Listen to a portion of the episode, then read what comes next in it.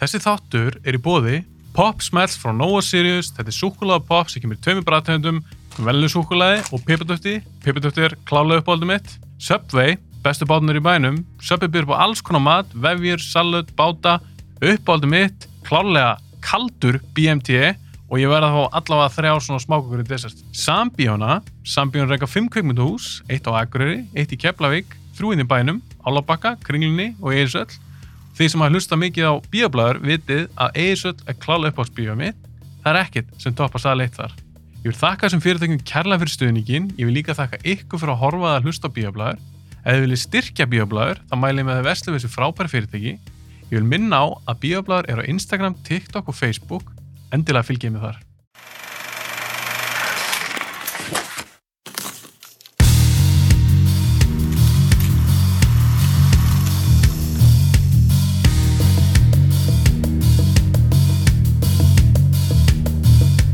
Þú ert 18 ára gömur. Já, það passar. Þú ert yngsti gestur sem er komið hingað. Já, það er bara skemmtileg. Skemmtileg titill.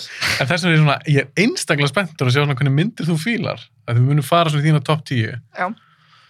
18 ára maður, fætt 2003. Passar. Og samar að pappin væri, hvað, 81? 81 mótil. Já. Því ég er 83. Já. Mér finnst ég vera mjög gamall akkurat nú. en svona er þetta bara, það er gaman að þessu. Og ég er búin að fá alls konar fólk til mín á á- alls konar aldurspili. En þú ert heldjálega öruglega tölvöld svona yngsti gestur minn. Mér finnst það bara mjög skemmtilegt. Er það, er það ekki Jú. svolítið gaman? Það er bara mjög skemmtilegt. Já. Það verður- verður örugglega mjög gaman að sjá munin þá. Ég er bara Eins og svona, á- segir. já, þínu kvingundsmekk og Já. mínum og ert að fara að koma myndir sem að ég fíla líka eða Mhm. myndir sem að ég hef ekki, bara veit ekki um með eitthvað. Akkurat. Þetta verður spennandi. Það verður það. En áður en við byrjum að fara yfir listan þinn. Já. Þá langar maður að spyrja hennu. Ok. Ert þú ekki að vinna í einhvers konar framleiðslu eða eitthvað þannig? Jú, passar. Hérna, Hvað er það að gera? uh, ég gera alls konar. Mm. Ég er mestmægnis að leika. En þú veist, það er það sem ég sækist mest eftir. Mm En svo er ég líka í framleiðslunni, ég er að sjá um casting, ég er yfirleitt uh, frekar en ekki second AD á flestum verkefnum. Er það assistant director? Passars. Hvað gerir assistant director, það er svona aðstofa leikstöri? Sko, yfirleitt er ég second út af því að þeir sjá meir um leikarana Ah. og meira um svona, hvað maður að segja, meira svona artistic point of view. Ah. En sá sem er fyrsti aðstofleikstöri, hann er í raun og veru að hjálpa meira með tímasetningar og passa allt sé fullkomið. En ég er meira svona, svolítið hinum minn. Ef þú ert að vinna kannski aðeins meira með fólki einhver leiti, Já, passar. finnst þér það skemmtilega? Já, það er bara það sem ég elska að gera. að heldur þú svona tæknilegin, eitthvað sem þetta myndadöku eða lýsingu eða eitthvað. Já, ég er bara, þegar kemur að tæknileg hliðinu þá er ég ekkit rosalega góð, ég viðkynni það alveg. Ah, Það er meira, ég kann að meta það, Ah. en þegar ég þarf að stjórna þið sjálf, þá veit ég ekki alveg hvað ég er að gera. nei, skilji. Líka var þitt áhuga svið, kannski tengist það mitt frekar, hefur tjáð leikuna, Já. tengist frekar að vinna með leikunum. Akkurat, Á hverju er það svona skemmtileg? það er mjög góð spurning. Það er hérna, mér finnst miklu skemmtilega að vinna með fólki heldur en fyrir fólk og hefur alltaf fundist. Já, góð punktur. Þannig að eins og ég vinn hérna á vernduðu vinnustaf fyrir fatlaða Ah. og það er bara eitt besta starf sem ég unni við, Mm. þú veist, í fullu starfi. En áður fyrir hefum náttúrulega unni í sölustörfum og svo leiðis og það hendar mann ekki alveg. Finnst þér ekki eins gefandi? Nei, alls ekki. Ég trúi því. að vera sölumæður eða að vinna með einhverjum föllum. Sko. Já, akkurat. Gægja. Þannig að Ísari, að því þú ert eitthvað í framlýstum mitt líka Já. og, og heitir þetta ekki Helluland? Helluland, jú, passar. Ég ætla að kíkja betur á það áðan, ég bara, ég ætla að kíkja betur á það. En Instagram liggur niður. Já, akkurat. Djúvel, Facebook, Instagram liggur niðri. En hvað er með þetta Helluland? Er það sér af ykkur í ykkur? Er þetta tónlistamömbudala, auðlýsingar, litlar stuttmyndir? Eða... Við erum aðala í stuttmyndum, Mhm. en svo finnst okkur líka mjög skemmtilegt að bralla í auglýsingum og eitthvað svona, þú veist, ef við komum í stað. Mm -hmm. um, við hérna erum búin að gera svona helst þrjár stuttmyndir sem er svona okkar og þær hafa allar unnið einhver velun, Vel gert. takk Það er cool. þannig að maður er svona smá að monta sig hérna Og- það er bara gegja. Þú ert að stolta þess að þú gerir. takk fyrir um, já og meira þess að Rúf er búið að kaupa sýningarétt af einni myndin okkar til sjö Nei. ára Nei, Þannig að það verið spennandi þegar hún verið loksinn sínd. til hamingju. Takk fyrir það. Veistu eitthvað hvernig var sín? Enga hugmynd. Nei, ok. Þetta getur verið sex mánuð, eða eitt ár eða tvo Já. mánuð. eða- Af því þau eru með sjö ára sýningarétt, þau geta bara gert það sem þau vilja við hana. En þetta er sérst barnarsöngleikur Nei, sem samt stuttmynd. sem stuttmynd. Er það er það að tala um korter, 20 myndur? Við erum að tala um, hún er 26 mínútur, næst í haldtími. Já, þetta er bara eins og góða þáttur. Já, í raun og veru. Ok, um hvað er þessi? þessi Barnasöngleikur. Já, Um hvað er þessi stuttmynd? sérst hún er byggð á plötunni Discoian eftir Memphis Mafíuna Ah, og við erum svolítið að nota okkur söguna þar og bara beigðum handritið upp frá því og erum að nota líka lög úr plötunni Ah. og þetta fjallar sérst um sískinin uh, Daniel og Rutt og þau sérst fara á svo kallega disco-eyju í hérna fáunarskóla prófessorsins til þess að læra að vera aðeins viltari krakkar nei, þannig að þetta hljóma svona ekta mitt, svona krakkadót eitthvað Já. gætlega. En eins og með það, ég meina eins og þessi mynd. mhm. Erst þú eitthvað að skrifa líka? Sko, ég var eitthvað í því, Ah. en ég er meira að hjálpa við handritin. Ég er ekki me mikið að skrifa mín eigin, meira að hjálpa við samtölinn og stórilæni hjá öðrum. Já, þú veist, ég kemur ykkur að punta og... Já. Já, ok, cool. En þessi mynd Mm, sem var úrkefti, já, þetta er algjörlega ykkar, ykkar verkefni. já, passar. Þannig að einhver hjá, hjá þér skrifa þetta og þetta Mhm. er bara alveg frá ykkur. Já. En er eitthvað fólk að koma til ykkar og fá ykkur til að hjálpa sér að gera sína stöðmyndir eða? Já, til dæmis Jaspis, við erum mi- mikið að vinna með þeim, þeir eru líka svona framlýslufélag Já. og um, þeir eru eins og er að gera þætti fyrir stöðu 2 sem að við komum svolítið að Gæja. og já, svo bara fólk kallar okkur líka til í sitt hverju lægi eins og, þú veist, við erum með hljóðmann og þá náttúrulega hann kallaði til fyrir hljóðmennskuna og ég kalli til fyrir að það vanta casting eða eitthvað, það er bara mjög mismunandi. Gæja. Eru þeir sem eru með þér í þessu, Mm. eru þetta fólk á þínum aldri eða eldra? eða- Sko, ég er ekki einu svona yngst þarna, þannig að hérna, það er einn sem að er reynda líka fættið 2003, en Ah. hann á ammali setna árinu. Ég Þannig að ætla ekki að- aðeins yngra þú. aðeins yngri en ég. En elstur hjá okkur er, já, fættu 2001, svona af official grúpunni í raun og veru. Að Þannig að hann, eða, eða gæja eða, Já, já, svona svona tvítur. passast. Það er elsti. Það er elsti. En það geggja svona að heyra þetta, únd fólk gera eitthvað cool og Já. skapa eitthvað og minnst það geðveikt. Ó, geggja okkur, finnst það líka. Já, ég trúi því. En eins og með það, þegar að Mm. gera stöðmyndir, Já. alls konar dót, eru þið með eitthvað svona draum að gera st- alvöru mynd eða stóra mynd eða í feature length? Já, 100%. Það er eitthvað sem við stefnum alveg að, en við náttúrulega erum svolítið bara að borga fyrir verkefninu og okkar ein vössum. Það er hark. Þannig að þetta er, eins og þú segir, hark. og Mhm. Við þurfum svolítið bara að nota launin okkar í myndirnar. Já, ég skil. Þannig að þetta er keirt af ástriðu. Þetta er bara kýrt á ástriði, já. Það er líka bara cool. Þú veist að gera eitthvað með, ég- ég- áallega þessu vinni einir. Já, Já, þeir gera bara eitthvað vinni, gera eitthvað cool saman. mm Og hver veit, ég menna eftir einhver, einhver tíma getur við fara að gera einhverjar myndir sem verður síðan síndar í bíó eða eitthvað. og það er bara draumurinn sko. Væri það draumurinn? Það er 100% draumurinn sko. Hvernig mynd myndur þú gera? Ef þú fengir að ráða það í alveg. Úf, alveg einhverja góða hasarmynd, Þú myndir gera hasamynd? alveg 100%. Af því Ánægð það, með er, þig. það er ekki til margar góðar íslenskar hasarmyndir að mínum að þið. Er til einhver góð íslensk hasamynd? Mér dettur enginn í hug. Ekki, þetta er mjög lægur. Svona pjúra hasamynd. Eru til pjúra hasarmyndir íslenskar? Ísle- Er það ekki ekki allar íslenskar, svona nei, nei. drama? Jú, ég myndi ekki segja að þetta er pjúra, það er engin íslensk John Wick mynd. Það er rétt. Það er auðvitað svolítið draumurinn hjá okkur öllum að gera íslenska John Wick mynd. Er það? Ég held það. Ég ég held ég geti talað fyrir allan hópin og sagt það. ég, ég- ég myndi koma með á þá mynd. Geggjað. Klart mál. Hasamynd. Mér finnst það gegja. Já. Ég myndi fengið til mér leikstur og svona sem Mhm. að Ragnar Braga og svona Baldur Seta hafa gert flotta hluti. Ég myndi vera að spurja þá, af hverju erum við ekki að gera fleiri svona genre myndir? Akkur er ekki Baltasar? Hann er mér náttúrulega bara með allan peningin í vasanum. Akkur Allan gerir peninginn. hann ekki hasamöndir? Hann hefur alltaf gert það eins og Two Guns, gert það í bandaríkjónum, Reyndar. en íslenska, hann hefur ekki gert, ekki hasa svona íslenska mynd. Kanski er bara ekki almennileg markaður. Jú, æ, ég veit það ekki. Jó. Er það fjandinn hafa? John Wick myndar, því hún um talaði það er. Alla vinsalar. Já. Líka á reyndar. Íslandi, held ég. Alveg sérstaklega hérna held ég líka. Út af því við eigum ykkur íslenskars hasamöndir. Nei, það er alveg synd, af því ég var alveg til að sjá eitthvað svona góða hasar. Ég held reyndar að leinlögan sem var að koma núna með auðvitað þeim. Já, akkurat. Það verður svona að vera eitthvað byssur og eitthvað, mm -hmm. það er Mhm. meiri svona grímynd kannski, Já, en að, kannski eitthvað smá hasar henni. Ég er spenntur að sjá hvernig það kemur út. ég er mjög spennt að sjá hvernig það kemur út. Já. En ég veit ekki hvort að maður gæti kalla þetta fáaðamynd. Nei, þetta er meira held ég svona bara upp á gamanni. Já. Og, já.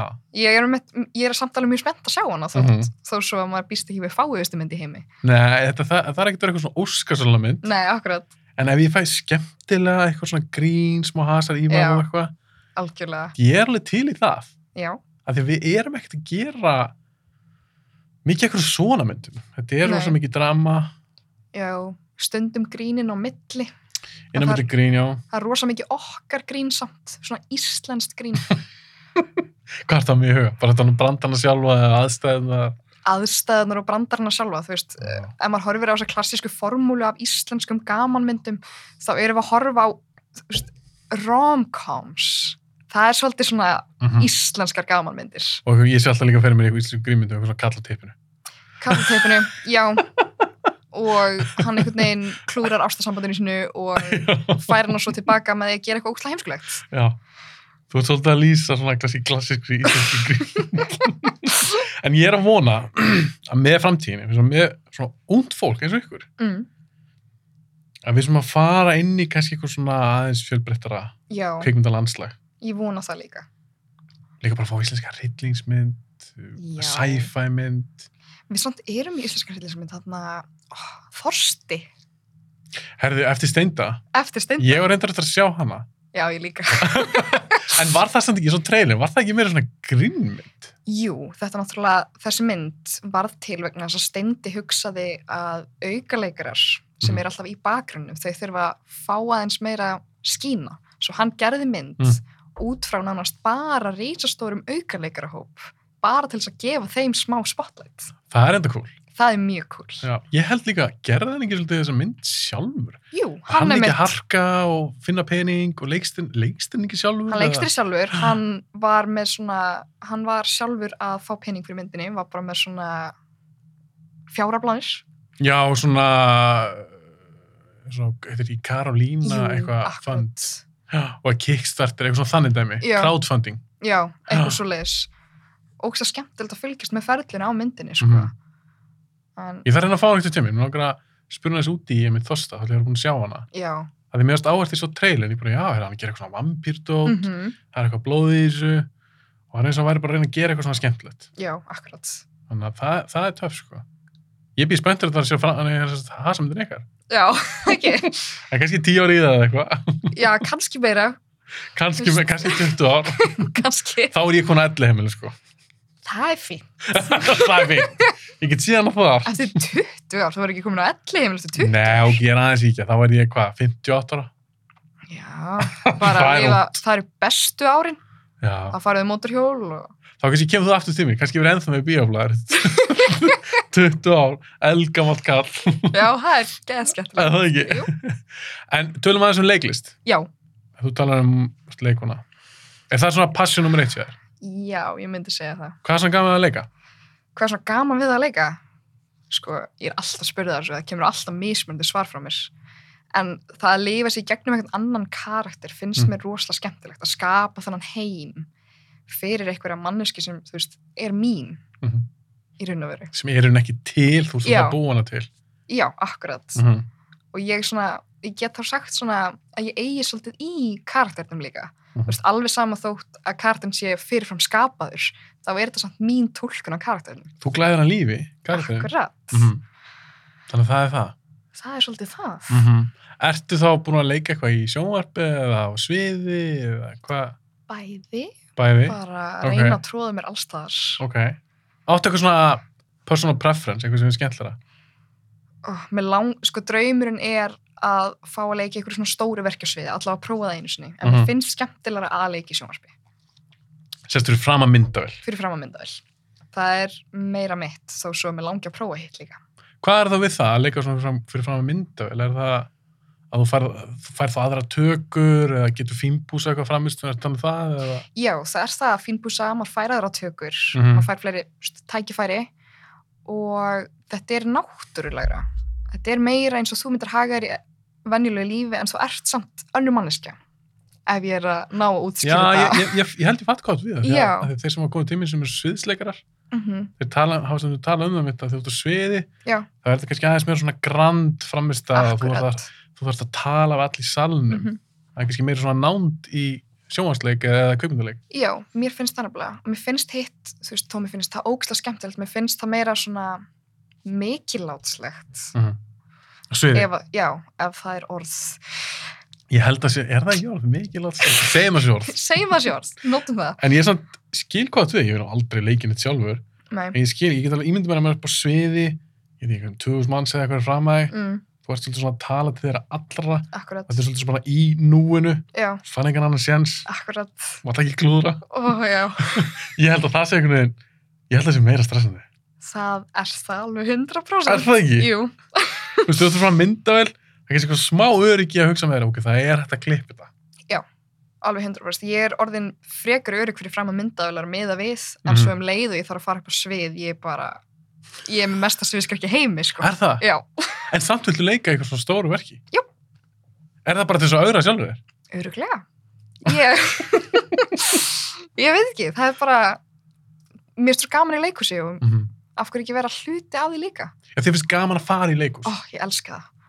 Ok, þá ætla ég að spyrja þig að ég hef ekki farið í leikhús í 25 ára eða eitthvað. sko. Wow, ok, það er langur tími. Það er mjög langur tími.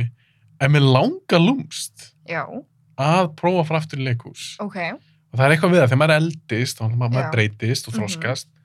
Og það er eitthvað við þetta, sérstaklega kannski að því ég er búin að tala um okkar sviðsleikara. Já. Bara hvað, já, mér langar að prófa það aftur. mm En reynda að selja mér, þú veist, af hverju á ég að fara í leikhús, hvað er skemmtilegt við þetta fyrir, fyrir mann sem áhörandi? eins og þú varst að tala um áðan, Ah. þá þú veist, þeir fá ekki annan sjens. Ah. Þú ert í raun að vera að upplifa eitthvað sem engin annar er að fara að upplifa alveg eins. Mm, mm. Þú veist, nema, jú, náttúrulega þeir sem eru í salnum, en þú samt upplifir þetta á þinn hátt. Já, því að sýningin kvöldu eftir verður aldrei nákvæmlega eins. Ah. Akkurat. Það er góð punktur. og þú veist, þó svo þetta sé svolítið mikilvægslegt það að vera með leikaranum Ah. þú, veist, þú, er, þú situr þarna í sal og leikarinn fyrir framann þig það er svo það er svo merkilegt maður bara, maður finnur svona, þú varst að tala um námdina með kamerunar aðan, Mm -hmm. en þú finnur námdina við leikaran Sem áhörandi. sem áhorfandi út af því að þér líður sem sé að tala við þig Áhugavert. Þetta er kannski svona persónlega einhver leita því að ég sé leikara. Akkurat. Og þú í raun og veru, þú gætir, bara hypothetically, Mm. þá gætir þú eðilagt sýninguna bara, þú gætir stokkið upp á svið og gert eitthvað til þess að eðilegja stöðið. Þannig að það er smá svona danger element. Það má alveg segja það. En það er alveg rétt sér, ég gæt, ef ég er fáiði, gæt ég mögulega gert það. Já, Já. það, það er þetta mitt. Þetta er svo mikið svona in the moment dæmi, Mhm. sko. Þetta er svolítið eins og að fara upp í stand bara, þú veist, live. Maður hlæri meira að því live heldur en að maður sér það setna í sjónvarpinu. Það er alveg rétt sér. Ég er mikið verið uppstand Já. og það er allt öll upplöfun. Akkurat. ok, þú er búin að selja mér þetta, ég þarf að kíkja á eitthvað leiksýningu, en er eitthvað spennt í gangi? Eitthvað hasa Sko. leikrit? Það er svo leikrit. Það er ekkert svo leiðis. Ég er enda að fóra að gegja leikrit í fyrra. Ah, það var ur það var, það er greitt uppáhaldsleikrið mitt í dag ah, það er sérst út frá bók eftir hana Auði Öfu, ah. hún er íslenskur rétthöndur og þetta er svona nánast innleikur, það er aðri leikarar þarna Mm. en þetta er, snýst svolítið bara um þennan eina mann og Mm. þetta var bara stórkastli upplifun en svo elska ég bara söngleiki og ég elska að fara bara í leikus yfir höfuð og ég fór endar á Rómi og Júli um daginn Ah. ekki rosa hrifin af þeirri síningu ég Ah. held hún bara höfði ekki alveg til mín Ah. en ég veit að það eru margir mjög hrifin af henni Hvað, eins og hvað við hana, var það, var þetta bara of rólegt, uh, ekkert spennandi? sko það að vera nútíma væ- væða Róma og Júliu eins og Já. er gert rosalega oft og ég hef séð Mhm. marga Róma og Júliu síningar Já. mér fannst þessi bara ekkert meira spes en aðrar og ég var að vonast til þess að myndi fara meira í áttina sem ég voru að fara í Mhm. heldur en að tróða dönsum og svona rappi og eitthvað inn í sem ég var ekki alveg að fíla Þú varst það kannski ekki alveg passa við. ekki fyrir mig, það höfðaði bara alls ekki til mín en þetta var svona svolítið smá tónleikastemning fyrir úlinga, þetta er leikrit er svolítið gert til þess að höfða meira til ungs fólks til þess að reyna að fá það meira í leikhús og ég náttúrulega er svo mikið fyrir leikhús að mér Ah. fannst þetta eiðilegja leikhússtemninguna Já, ég skilði. Áhugavert. Að þegar þú talar um að leikhús, mm þetta er kannski aðalega eldri aldursópar sem svona fara Já. reglulega í leikhús. akkurat, Það er ekki fólk að dressa sig upp og... jú, Þetta er ekki svo fyrir bíó. alls ekki það, þetta er allt öðruvísi maður er að dressa sig upp og maður fer vilt með stórum hópum frekar en minni hópum af því að það Já. er svolítið dýrt að fara í leikhús skiljanlega, Hvað er það? Þrjúðu skall með þinn? þetta er meira svona sjúst kall minn Þetta er alveg þrjúðu skall! Já, en ef maður fer að nógu góða sýningu, skilur við, það var alveg worth it, sko. Já, líka maður vill alveg styðja við, menn þetta er ákveðin listgrein Mhm. og maður vill styðja við það og fólk er með þetta, það er að performa Mhm. fyrir þig live. Nákvæmlega. Þú ert líka, þú ert að borga fyrir performanceið, þú ert að borga fyrir húsnæði til dæmis, þú ert að borga fyrir búningana, make-upið, Já. allar æfingarnar sem þú ert að fara á fyrir sýningar. Þú veist, telur allt. En hvernig velum maður sér svona, bara eins og fyrir mig, Mm þegar nú er ég að fara bara inn sem bara algjör rúki í rauninni, það er svo langt Já. síðan leik, síðustu leikus. Að ég kann alveg velja bíjamönd, ég veit alveg hvað er við Mhm. bíjamönd, bara já, ok, það er þessi leikstjóri eða Já, þetta er hasar, ok, eða ég veit hver útfæra hasarættin, já, ég til í það, eða þessi leikur er aldrei ekki.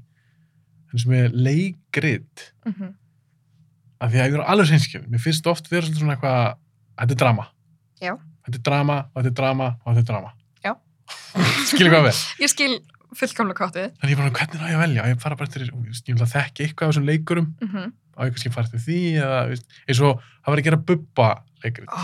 mér langar svo að fara. Já, ég held, heitar ekki nýju líf. Jú, passast. það er svona með alls konar leikar að leika buppa á Mhm. mismunandi uh, mismunandi aldrei að tímabilum eða Já. eitthvað slags. Akkurat.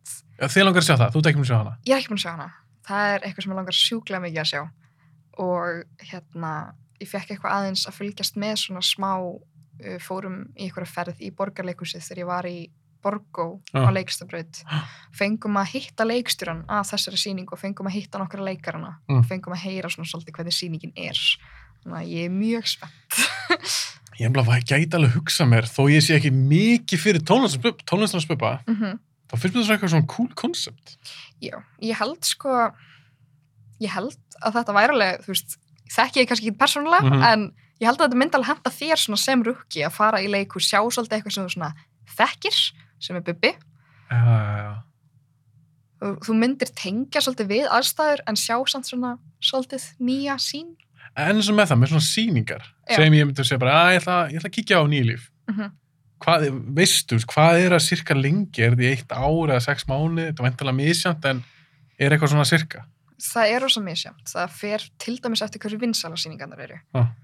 það er hérna stundum er bara eitt sýningatímabil og það getur varið mjög stutt og mjög langt en yfirleitt eitt sýningatímabil er þá frá hérna opnun leikursins á haustin og til lókunar á vorin en svo eru líka til jólasýningar sem eru bara sýndar um jólin, svo er eitthvað sem að kannski gengur ekki nógu vel og það er bara sýnt fram á jólum þetta er rosa misjönd já, En Ég hugsa að þetta nýju lífdæmi sé alveg vinsælt, sko. mm Það væri vinsælt. Ok, færum að græða sér bíómyndir. Já. að þetta er bíóblæður. Já. Þú maður blæður hann um bíómyndir. Mm Þú fylgdur út lista, já, svona hverju topp tíu myndir. ég gerði það Þú rankar þær ekki. nei Þið fannst það erfitt.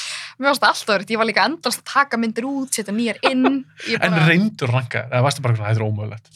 ég reyndi að ranka, en svona þrjá voru myndir að detta inn og út og þá þurfti ég að færa. Já, ég skilji, ég skilji. Ok. Varstu með eitthvað svona sérstaka pælingu þú hugsaði þessar tíu myndir? Þú veist, Er það þína tíu uppbólsmyndir? Eða finnst þetta bara, er þetta bestu mynd sem þú séð? Hvernig, hvað, hvernig hugsaði þetta? Ég reyndi að hugsa svona uppáhaldsmyndir og ég reyndi að taka svona svolítið bara, ég reyndi að blanda svolítið nokkrum svona stílum inn. Þú veist, ég reyndi að velja einhverja mynd sem ég elskaði sem krakki og elska hann í dag, svo kannski einhverja nýleg mynd sem að ég, mér fannst geggjuð, þannig ég reyndi bara að taka þetta svolítið úr öllum áttum. Ok, þannig að þetta er svolítið svona blandi póka? Já. Ok, ég nefnilega veit ekkert Nei, hvað valdir. ég er mjög spenntur að heyra hvað valdir. Tökum eina í einu einu í einu. og ja, bara einhver röð, af því að við við erum ekkert að ranka þetta neitt. Nei. Ok, hvað er með eina mynd? Top 10 listanum. Ég ætla að byrja á örgulega Alice in Wonderland Disneymyndin. Með Johnny Depp. Nei, Var ekki- hérna var ekki John Dutty í henni? 1951 mynd, já, fór, já, fór. ég er svo fyrir mig, ný, er hún ekki svona, 1951 hún Nýlegust. gæti hafa verið aðeins veitu, já, þú ert að velja bara, er það orginalega? það er original Disney teiknumyndin Bara Alice in Wonderland? Já. Ok, ég hef ekki séð hana. ekki Nei, ég held hún hefði Ok. aldrei nefnd í þessu podcasti. Mér finnst það alltaf gama þegar einhver kemur eitthvað svona nýja mynd sem enginn hefur talað um aður. já, Ok, Alice in Wonderland, hvað sem fór 51? eða 59 Hún er allavega frekar gömul. hún er til tölulega gömul, já Akkur aldrei hana? þetta var og er öruglega bara uppáhalds Disneymyndu mín punktur ég hérna gæt horft á hana bara á repeat heima hjá langumur og langafa þegar ég var krakki á spólunni ah. bara endalust Er það bara sagan sjálf sem grípið? það er sagan sjálf og hún er svo litrík og skemmtileg myndin Ah, sant, sant. þetta er, ég veit ekki öruglega því hún á svona svolítið sérstakann staði í hjartanum mínu frá því ég var krakki Sást hana fyrst, manstu hvað var styrka gömul? öruglega svona þryggja fjör ára Já, þú sást hana fyrst. já, Og er þetta mynd sem horfður sérst reglulega á? Já. Enn þann dag í dag? enn þann dag í dag sérstaklega eftir að Disney Plus kom ég bara, Já, er hún þar? hún er þar Ok, hvernig finnst þið Disney Plus? ég bara fílaði í botn. Já. Ég er að horfa mikið á myndum sem ég horfði sem krakki og ég ennþá fíla þær í dag og svo náttúrulega mikið að skemmtilegum þáttum að þinni og mm Mhm. horfði mjög mikið að þáttum. Alls, þetta er 51, það er rétt sér. Já. Vá, er hún svona gömul sem mynd? Mhm. Ég var að tjekka þessari. Já, ég mæli með. Þú veist, kannski sá ég hana því ég var 7 ára eða eitthvað, en ég man ekki eftir því. Mér finnst það líklegt. Já, Hún er svona, hún er mjög vinsaldisni mynd. hún er alveg þess leg. Ég sá mikið af þessu því ég var einmitt krakki. Mm Ok, Alice in Wonderland. Þið finnst það besta Disney mynd? Já. Betra en Lion King? Já. Betra en... Betra en... Pocahontas? Já. Bet... Því að tala upp allar Disney myndir á. Betra en Frozen? Hún er betri en Frozen, já. Ok, þannig að það var ekki eins og spurning. Alice in Wonderland er betra en Frozen. að mínum átti, já. Ok, en sástu þess með Johnny Depp? Var ekki Johnny Depp í? henni? Jú, það er hérna Alice in Wonderland, hérna Tim Burton útgáðan. Já, það og svo hérna Through the Looking Glass líka eitt og tvö eru nöðru hvernig var það? Drasl. ekki drastl, þetta var fínt fín skemmtun en ég myndi ekki segja góða myndir Og þið veist þess að teiknum þetta miklu betri. miklu betri Ok. Ég ætla þá að sjá, þannig að ef ég ætla að horfa á eitthvað Alice in Wonderland dót, þá horfa ég á teiknum þetta. 100% Mhm. eða lest bókina það er svolítið up to you Ok, þú ert alveg búin að selja mér þetta. Ég vil ekki kíkja hérna á. Og mér sýnust hún vera bara í 75 mínútur. Jöp. Það, það er nú bara eins og svona þáttur aðeins í lengri kantinum. akkurat, Ok, Alice in Wonderland, ég þarf að tjekka hana. því Ég, ég fíla hann Disney Plus. já, Fínt dótaðan inni og... nákvæmlega einan mynd sé bara, eitthvað, já, þessi og... Alice in Wonderland, tek hana Through the Looking Glass, var það önnu bók? það var henni bók Já, það er önnu bók, þannig að myndin sem að kom hana þessi Tim Burton mynd, mm -hmm. hún var byggð á annar bók eða sérst upp Alice in Wonderland var beigð á þessari sömu bók og svo kom önnur bók frá sama reytöfundi, mm ef ég er Mhm. að fara með rétt mál Já, þá hérna, og það var Alice Through the Looking Glass en Já, hún er b- ekki til sem teiknumynd held ég nei, en Burton byggði hana hann gerði fyrst þessu upprunnisögu Já. svo byggði hann á setnisögunni já, passar Ég er bara svo trailer við það og ég er bara ah. já, þetta er svona svolítið ég er alveg hrifin á Tim Burton myndum uh en þessi er svona svolítið all over the place af því hann er að byggja þetta á sögu sem er vel þekkt og hann er að reyna að koma með sitt eigi twist á þetta með samt sínum Stíl. uppáhaldsleikurum og sínum stíl Hvernig vilja John Depp, sem leikara? ég fíla hann mjög mikið ég elska reyndið hans Ég... Ég- Finnst hann að vera fastur svona pín í dag, svolítið svona eitthvað, svona kæ, svona fígurum já, hann er svolítið fastur þar Það er svolítið leðilegt, því hann er fær leikari hann er það en það er líka alveg skemmtilegt að eiga hann sem svona fíkurleikara í dag af því að maður hefur, það er ekkert allir leikara svoleiðis Nei, það er enda góðbundur. Ég, ég er nefnilega horfið á um daginn aftur á Edward Scissorhands, svo staðlegt sér. já, Og ég held að það hef verið svona eina af hans fyrstu myndum þar sem hann leik svona, svona, svona fígur. Hann með Já. skrítið hár og eitthvað svona. Og Skemmtileg mynd, mm en ég saknaði þess pínu þegar hann var bara leikari.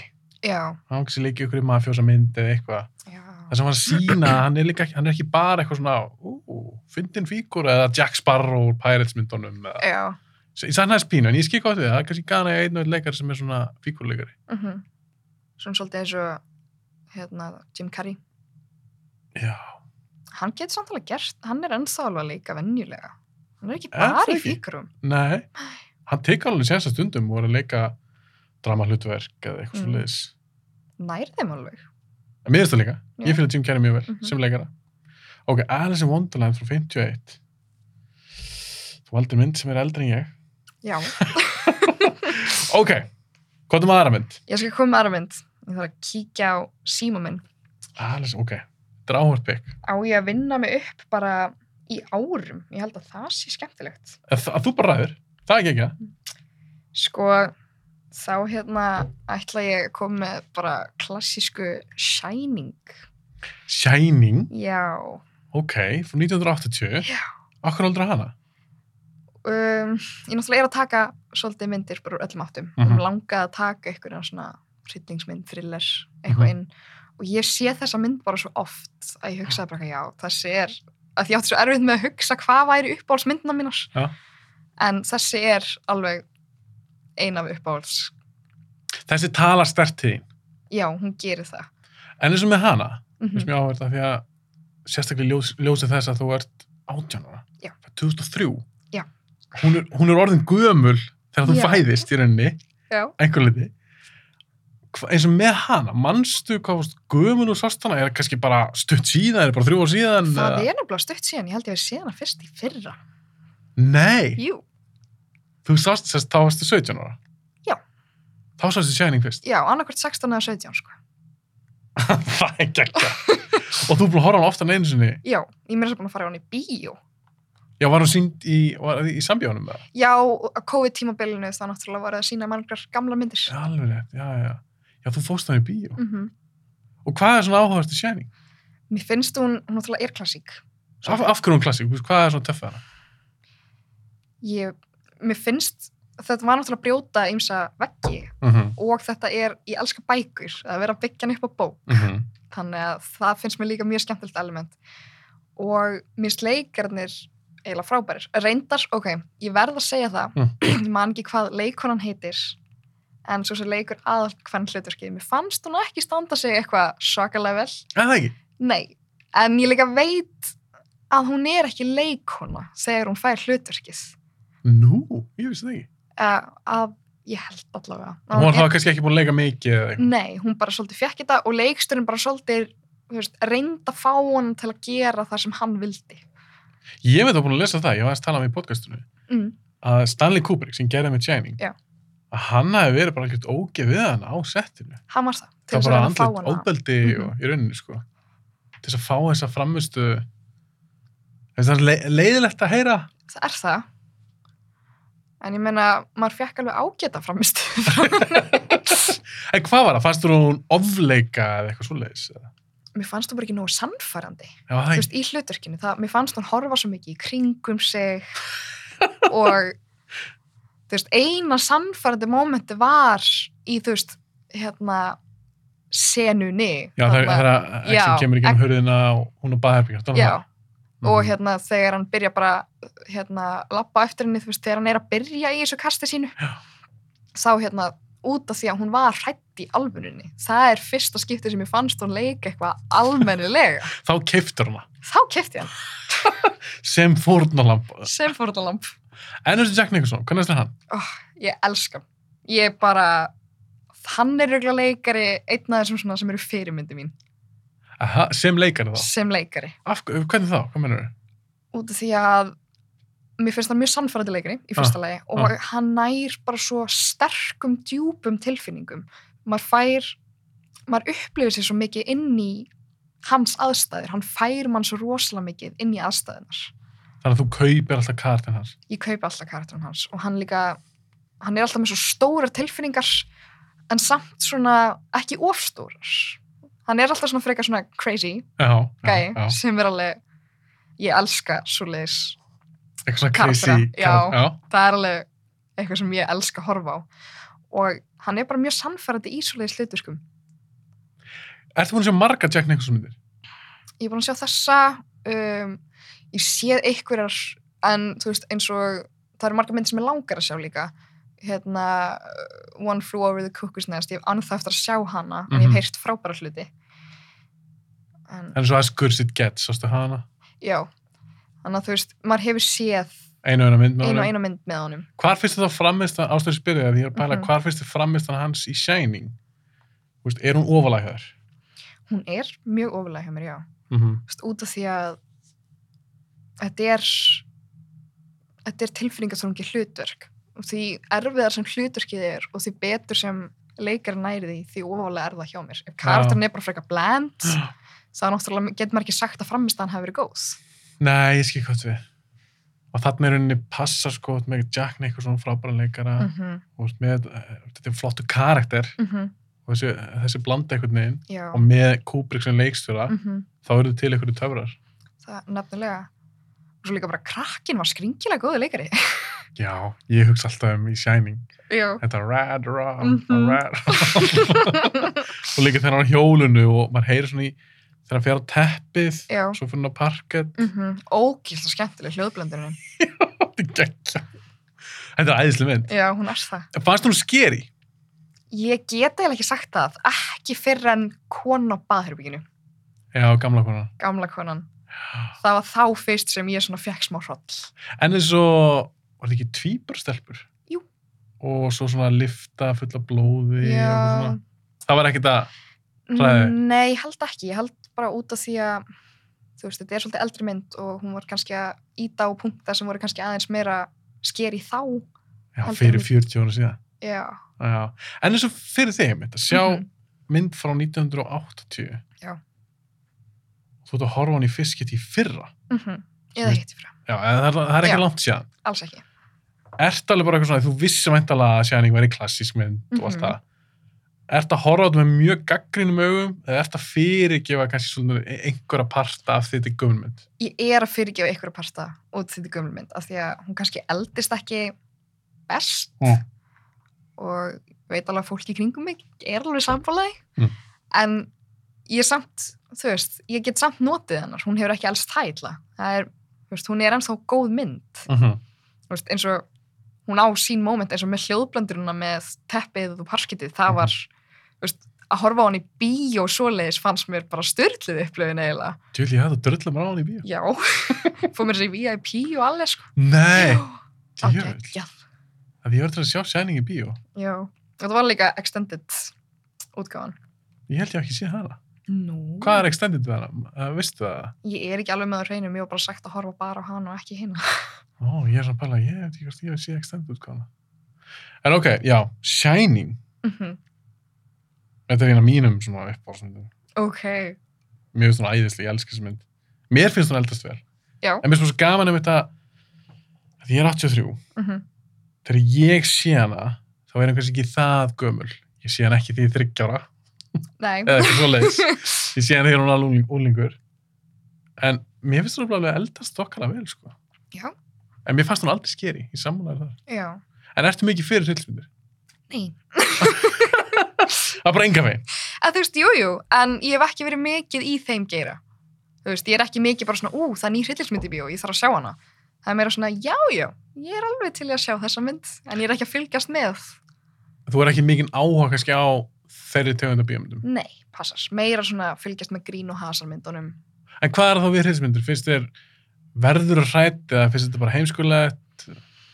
Sko, ég verða alveg stundum svolítið hrætt. Ah, eins og ég man þegar ég horfði á Nightmare on Elm Street fyrstu bara fyrstu. Já.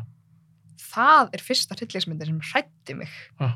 Út af því að, ég veit ekki, hún bara ítti greinlega á einhverja punkta ah, sem ég fannst bara rosalega viðkomur. Ég átti bara erfitt með að sofa næstu nættir, sko. ok, en eins og með hana maður sko að skoða þú sást hana Ég er 16, 16, já. já ok, hún náði þér samt þá Hún náði mér samt þá. ok, það er geggja Mm að því mér fannst hún einmitt alltaf skeri Já. gaman að heyra það að hún eldist allavega, allavega það vel Mm að hún næra að hræða Já. ef við þig að þú ert 16 ára. Já. Af því það er bara hann tvö ár síðan. Já. ok, hryllismyndir ekki ólega höfur. Ekki ofalega, nei, því miður. Nei. Finnst alltaf skemmtilegt að komast í þær. Ég er að fara á hryllingsmynd með þess að annarkvöld í bíó. Ertu að fara á Nighthouse eða? Nei, ég er að fara á hérna hvað heitir hún? Það er ekki bíó. Jú, Ertu hana- að fara á Don't Breathe? já, tvö. Já, Don't Mhm. Breathe 2. Og ég er að sjá nummer eitt bara núna á eftir þegar ég er búin hér. Já, ok, þú ert ekki búin að sjá fyrstu. Nei. Mhm. Ég fannst hún mjög fín. Ok, Fyrst, ég fílaði fyrstu mjög vel. ok, geggjað. Hún komur óvart. Það verður bara mjög spennt að sjá fyrst Já. eftir. Hún, er líka ekkit, hún er ekki það gömul. Nei, 2016? Þú- Já, einmitt. Held ég. Já, 2016. Já, ok. Það verður gana að heyra, þú kannski sendir mér skilabóð saman með tvö, af því ég er svona 50-50 hvort ég eigi að sjá hana. Já, ég er búin að heyra frábæra hlutum hana. Um Mér er að tvö? svo frá hryllingsmynda aðdándum, sko. Ok, Þannig Ok. að Þess vegna er ég að fara á hana. ok, geggja. Þannig að þú ætlar að sjá fyrstu og svo ferðu á, hvað svo, tvö á morgun? Já. Ok. Reytilsmyndir, ekki ólega hjá þér. Hvað er næsta listan hjá þér? Það, Þú kom á Alice in Wonderland, Shining, þetta er Mhm, alveg fjölbyrðlisti. já, sko, næst held ég að sé, já, trainspotting, Trainspotting, já. ok. Akkur aldrei hana? Ég bara frá því ég sá hana fyrst, hún virkilega greip mig. Ah. Þetta er svona heimur sem að maður kannski svona þekkir smá, Mhm. þú veist, ekki af einn reynslu, en maður bjóði breiðoltinu. Ég er úr breiðastunum sko. Ok, þannig að þú kannski skilur hvað ég á við. Aha, og mér fannst hún bara svo snildarlega gerð mhm. ég líka elska leikarana það er bara hérna Jó, mjög greikur og... já, Robert Carlyle líka Mhm, Mist- Æðislegur. hann er æðislegur, hann kemur hann alltaf á óvart Mhm. Sammála.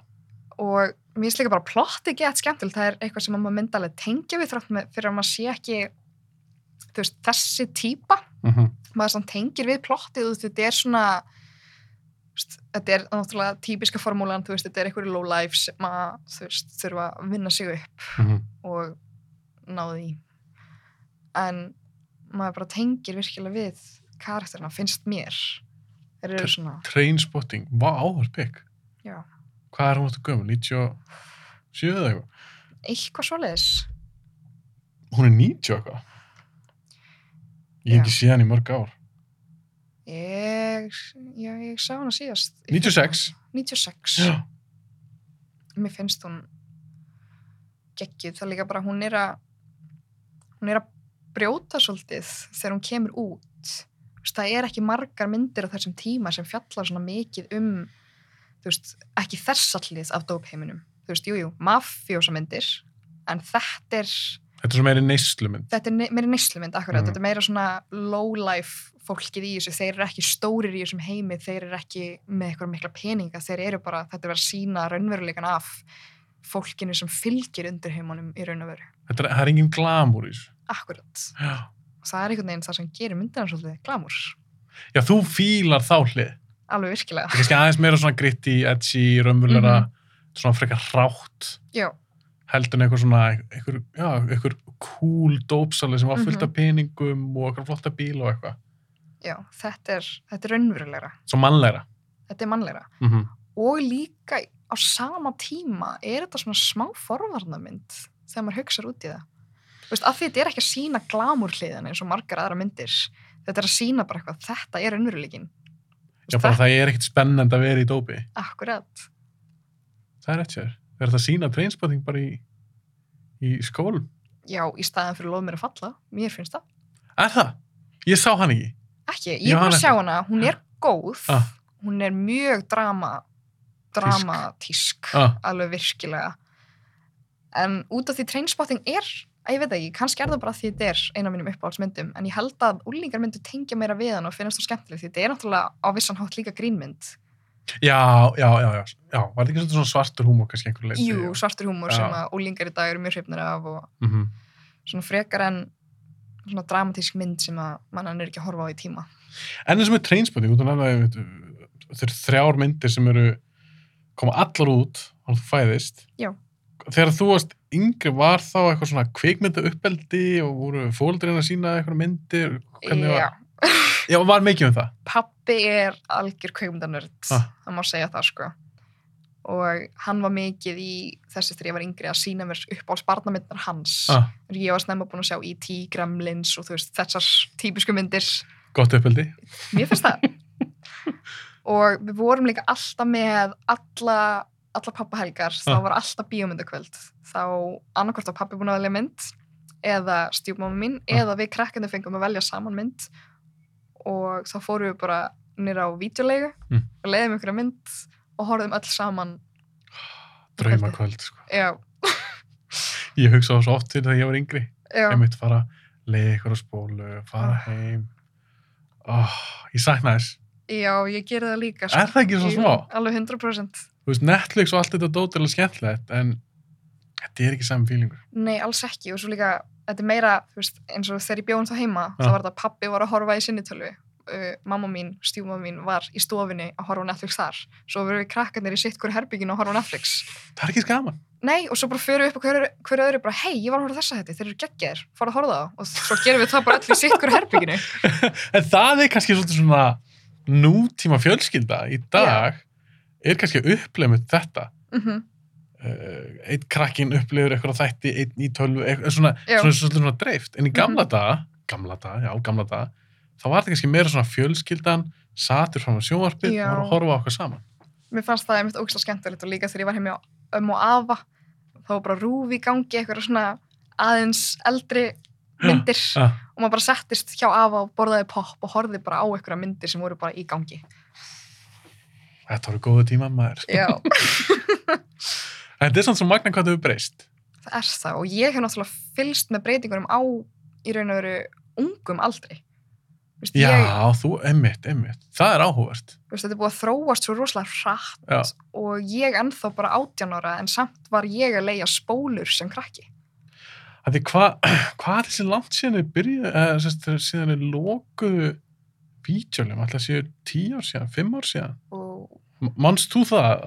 ég man þegar að gera þetta en ég man ekki hvað ár það var það bara, við vorum til dæmis á mínu heimili mjög snemma komið með Netflix það var bara áður en það var komið til Íslands í raun og veru, við vorum búin að finna svona leið til að, Mm, mm Já, ég skilji. Það er nokkur á síðan að maður gæti svolítið svona stólist til þess að fá sér Netflix. já, Þó akkurat maður hafa líka borgað fyrir það, sko. já, já, já, En þú mann samt alveg eftir ég hafa farið mitt á mm Mhm. og svona. En það var þá DFD, það var ekki Vafa.s. sko ég stundum var að vaffa þess líka, það var mjög erfitt að finna þær en við Ah. áttum samt spólutæki heima Já, þannig að þú mannst alveg eftir ég hafa Já. hort líka á spólur. mm -hmm. að því ég er hann að hugsa sko ef að þú veist, 2003 sem er 10 ára eða eitthvað Já. Mm. það var 2013 mhm. það var rosa mikið bara DFD og svona já, eins og blúri var komið er það ekki? vó, jú er það ekki? en þú, var, þú þekkir samt Vafas? Jú. ok, það er áhugavert ég er nefnilega mínar æsku minninga var um Vafas já, svolítið að því ég var eldri þá var þetta meira DFD sko. já, náttúrulega pappi sko hann er náttúrulega yngri í kantinum Ha. þannig að hann var eiginlega úlingur mm þegar ég fæðist, bara nokkru, bara tveimur árum eldri en ég í raun og veru. Þannig að hann var líka alveg svona svolítið að fikra sér áfram, hann var að prófa DFD þegar það var svona tiltölulega nýtt já, já, já að sína okkur krökkunum það, en samt að halda í þetta gamla eins og, þú veist, Vaffa-S og svoleiðis. en það er svo mikið bögg sem svona fylgdi því spólaði tilbaka Já, spólan slitnaði og fór kannski á vítjuleg og hún var í þau keftu kannski tíundu eitthvað nýja myndin sem var að koma út en þau voru öll í útlegu já, akkurat, Fældi hvað þetta er svo myndir þú nenna því í dag, þú bara eitthvað, það er komið ný mynd á Netflix svo ætlar að spila, þá hún bara að standa nefn, það eru 50 manns að horfa á hana, þú voru bara bíð það væri ekki rosa skemmtilegt. það var sko. ræðilegt, Já, við erum svo ungt fólk í dag veit ég hvað hefur það gott nei, nákvæmlega, ok, áhugavert, trainspotting, jú. eins og með þá mynd er það mynd sem að pappiðin síndi þér eða uppgötunum sjálf setna pappi sagði mér að horfa á hana en hann síndi mér hann ekki Ah. það var svona kom, þegar Netflix var komið og þú veist, allir farnar horfið sitt hverju hotninu en hérna, pappi hefur alltaf verið mjög strángur á hann er alltaf sagt, þú verður að sjá þessa mynd annars bara farð ekki að vera dóttir mín annars mun ég afnita já, eða bara ég verði arf, arflaus eða eitthvað skilur það er bara svolítið svona Ok, hann tekur þetta alveg. já, En eins og með það, þegar hann var kannski sínaðar myndir, þegar þú varst Mhm. yngri, var hann að sínaðar alveg blóðarmynd, Die Hard eða menn fólkskotið eða, eða var hann að láta það loka augunum? og- sko það er nefnilega, Máttu kannski ekki segja? ég má alveg segja það er hérna, ég man hvernig það var sem krakki Já. ég þurfti alltaf að ringja í pappa þegar ég var heim hjá vinum mínum og kannski mynd bönnuðin á 12 ára og ég var bara, heyrðu, pabbi, má ég, má ég horfa á þessa mynd? Já. Og hann alltaf þurfti að gefa mig leiði, hann þurfti að, svona, já, er þetta þessi mynd? Já, já, já, það er við lagi. En svo var hann ekkert að hika við að sína mér myndir, sko. Þú veist, honum Já. var nánast saman, þú veist, ég var að horfa á Die Hard með honum og Lethal Weapon og Man in Black. En svo þegar ég var ein með vinum mínum, hann svona, nei, það er, það er of mikið fyrir þig. Og ég svona, ó, ok, ekkert mál, og ég hlýtti bara. Ég er samt skila. Já. Að því að pappi minn var svolítið svona svipaður ef ég var kannski einn heima eða ég var tjó vinið mínum eða var að flytta Ok. okay. vinið mína. Bara pappi, ég er ekki búin að sjá Alien. Er í lagi að sjá hann? Eða eitthvað svona. Mm Það er bara, eitthvað, já, já, það sleppur. Svo það við vorum saman, þá var mitt honum sínum með Die Hard. eða eitthvað. Mhm. En Ég þurfti alltaf að ég var lítill svona Ok. að loka augunum eða var eitthvað sérstaklega ógislegt. Já, það er þetta pappalið sett alveg mörg ef þetta var eitthvað mynd sem að hann virkilega held að ég ætti ekki að horfa á. Ah, Ég sem, el, þú veist, fyrsta dóttir hans kvíðasjúklingurinn og hann stundi bara svona, nei, það er ekki sniðt að sína þessa mynd. þú er ekki gott að þessu alveg ak- akkurat nú. Já, akkurat. Ok, já. Þetta er svolítið gaman að þú að fengi svona kveikmynd uppfyldi. Já. Þetta er svo smitandi. Ég er að vona ekki að smita strákið minna þessu. Já, 100% það er svo skemmtilegt fyrir þig líka sko. Bara, Ég, veist, ég strax byrja bara að vinja einhverja list og gildi sína þessa, þessa, þessa, þessa. Lion King bara á næstunni. Lion King næstunni. Alice in Wonderland. Já, Hún getur 100%. fínt þess að sína honum, þannig aðeins eldri. Ok, Trainspotting. Mm Hvað ertu með næst? Ú, sko ég veit ekki alveg hverja myndunar er að koma út Herði, Það er allt í ræk. Hvað ertu bara með næsta mynd? Pulp Fiction Ok. Pul- Eina mínum uppáhalds. ok, Af hvað heldur Pulp Fiction? það er enn og aftur mynd sem ég hef séð svona hundra sinnum Mm. og ég er mjög mjög Tarantino aðbæðandi Er það besta myndina? já, Ok, þetta er allavega uppáhaldsmyndi mín með honum ok. Vist, ég er búin að sjá allar nema Jackie Brown Áttu hana eftir? já, hann eftir, já Ok. Af hvað tekjum við sjá hana? ég veit það ekki, það er bara mér finnst ekki vera mikið umtal um hana það er ekki fyrir maður fer að hugsa býtu hvað ég er ekki búin að sjá allar nýju myndinar Já, ég skilji. En þú er búin að sjá alveg Django og þú er Mhm. búin að sjá alveg Inglourious Bastards Já. og þessar myndir. Ok, Pulp Fiction, mm Mhm. -hmm. hvað er svona gott við hana? sko, náttúrulega ég er leikuna, svo ég horfum mikið á leik, þú veist, leikarana Ok. leikararnir í þessari mynd eru storkasleir Finnst þið bara allir góður? Áttu uppáld? sko, þetta er uppáhalds John Travolta myndi mín, 100% Mm -hmm. þú veist, hann stendur sér ógislega vel í þessari mynd Gekkjaður. maður fara að sjá svo skemmtir að hlið á honum af því hann er svo mikil svona þú veist, jú, hann er tough guy í þessari Mhm. mynd en hann er öðruvísi tough guy í flestum öðru myndir sem hann leikur Hund- Ég er 100% samanlegar. þannig að, og svo náttúrulega Uma Thurman ég elska að sjá svona líka sérstaklega myndir sem eru gerðar á þessum tíma Mm -hmm. þegar konur fá að vera aðeins öðruvísi heldur en típiska stereotypan af konum í Mhm. bíómynd hún fær að vera sinn eigin karakter Já, Mia Wallace er geggjað karakter. bara elskana Mm -hmm. hún er að gera sína eigin hluti, hún er ekki bara að tala um kallmenn allan tíman. Mm Þú veist, hún er að, þetta er svolítið groundbreaking fyrir hvern hlutverk í bíómyndum.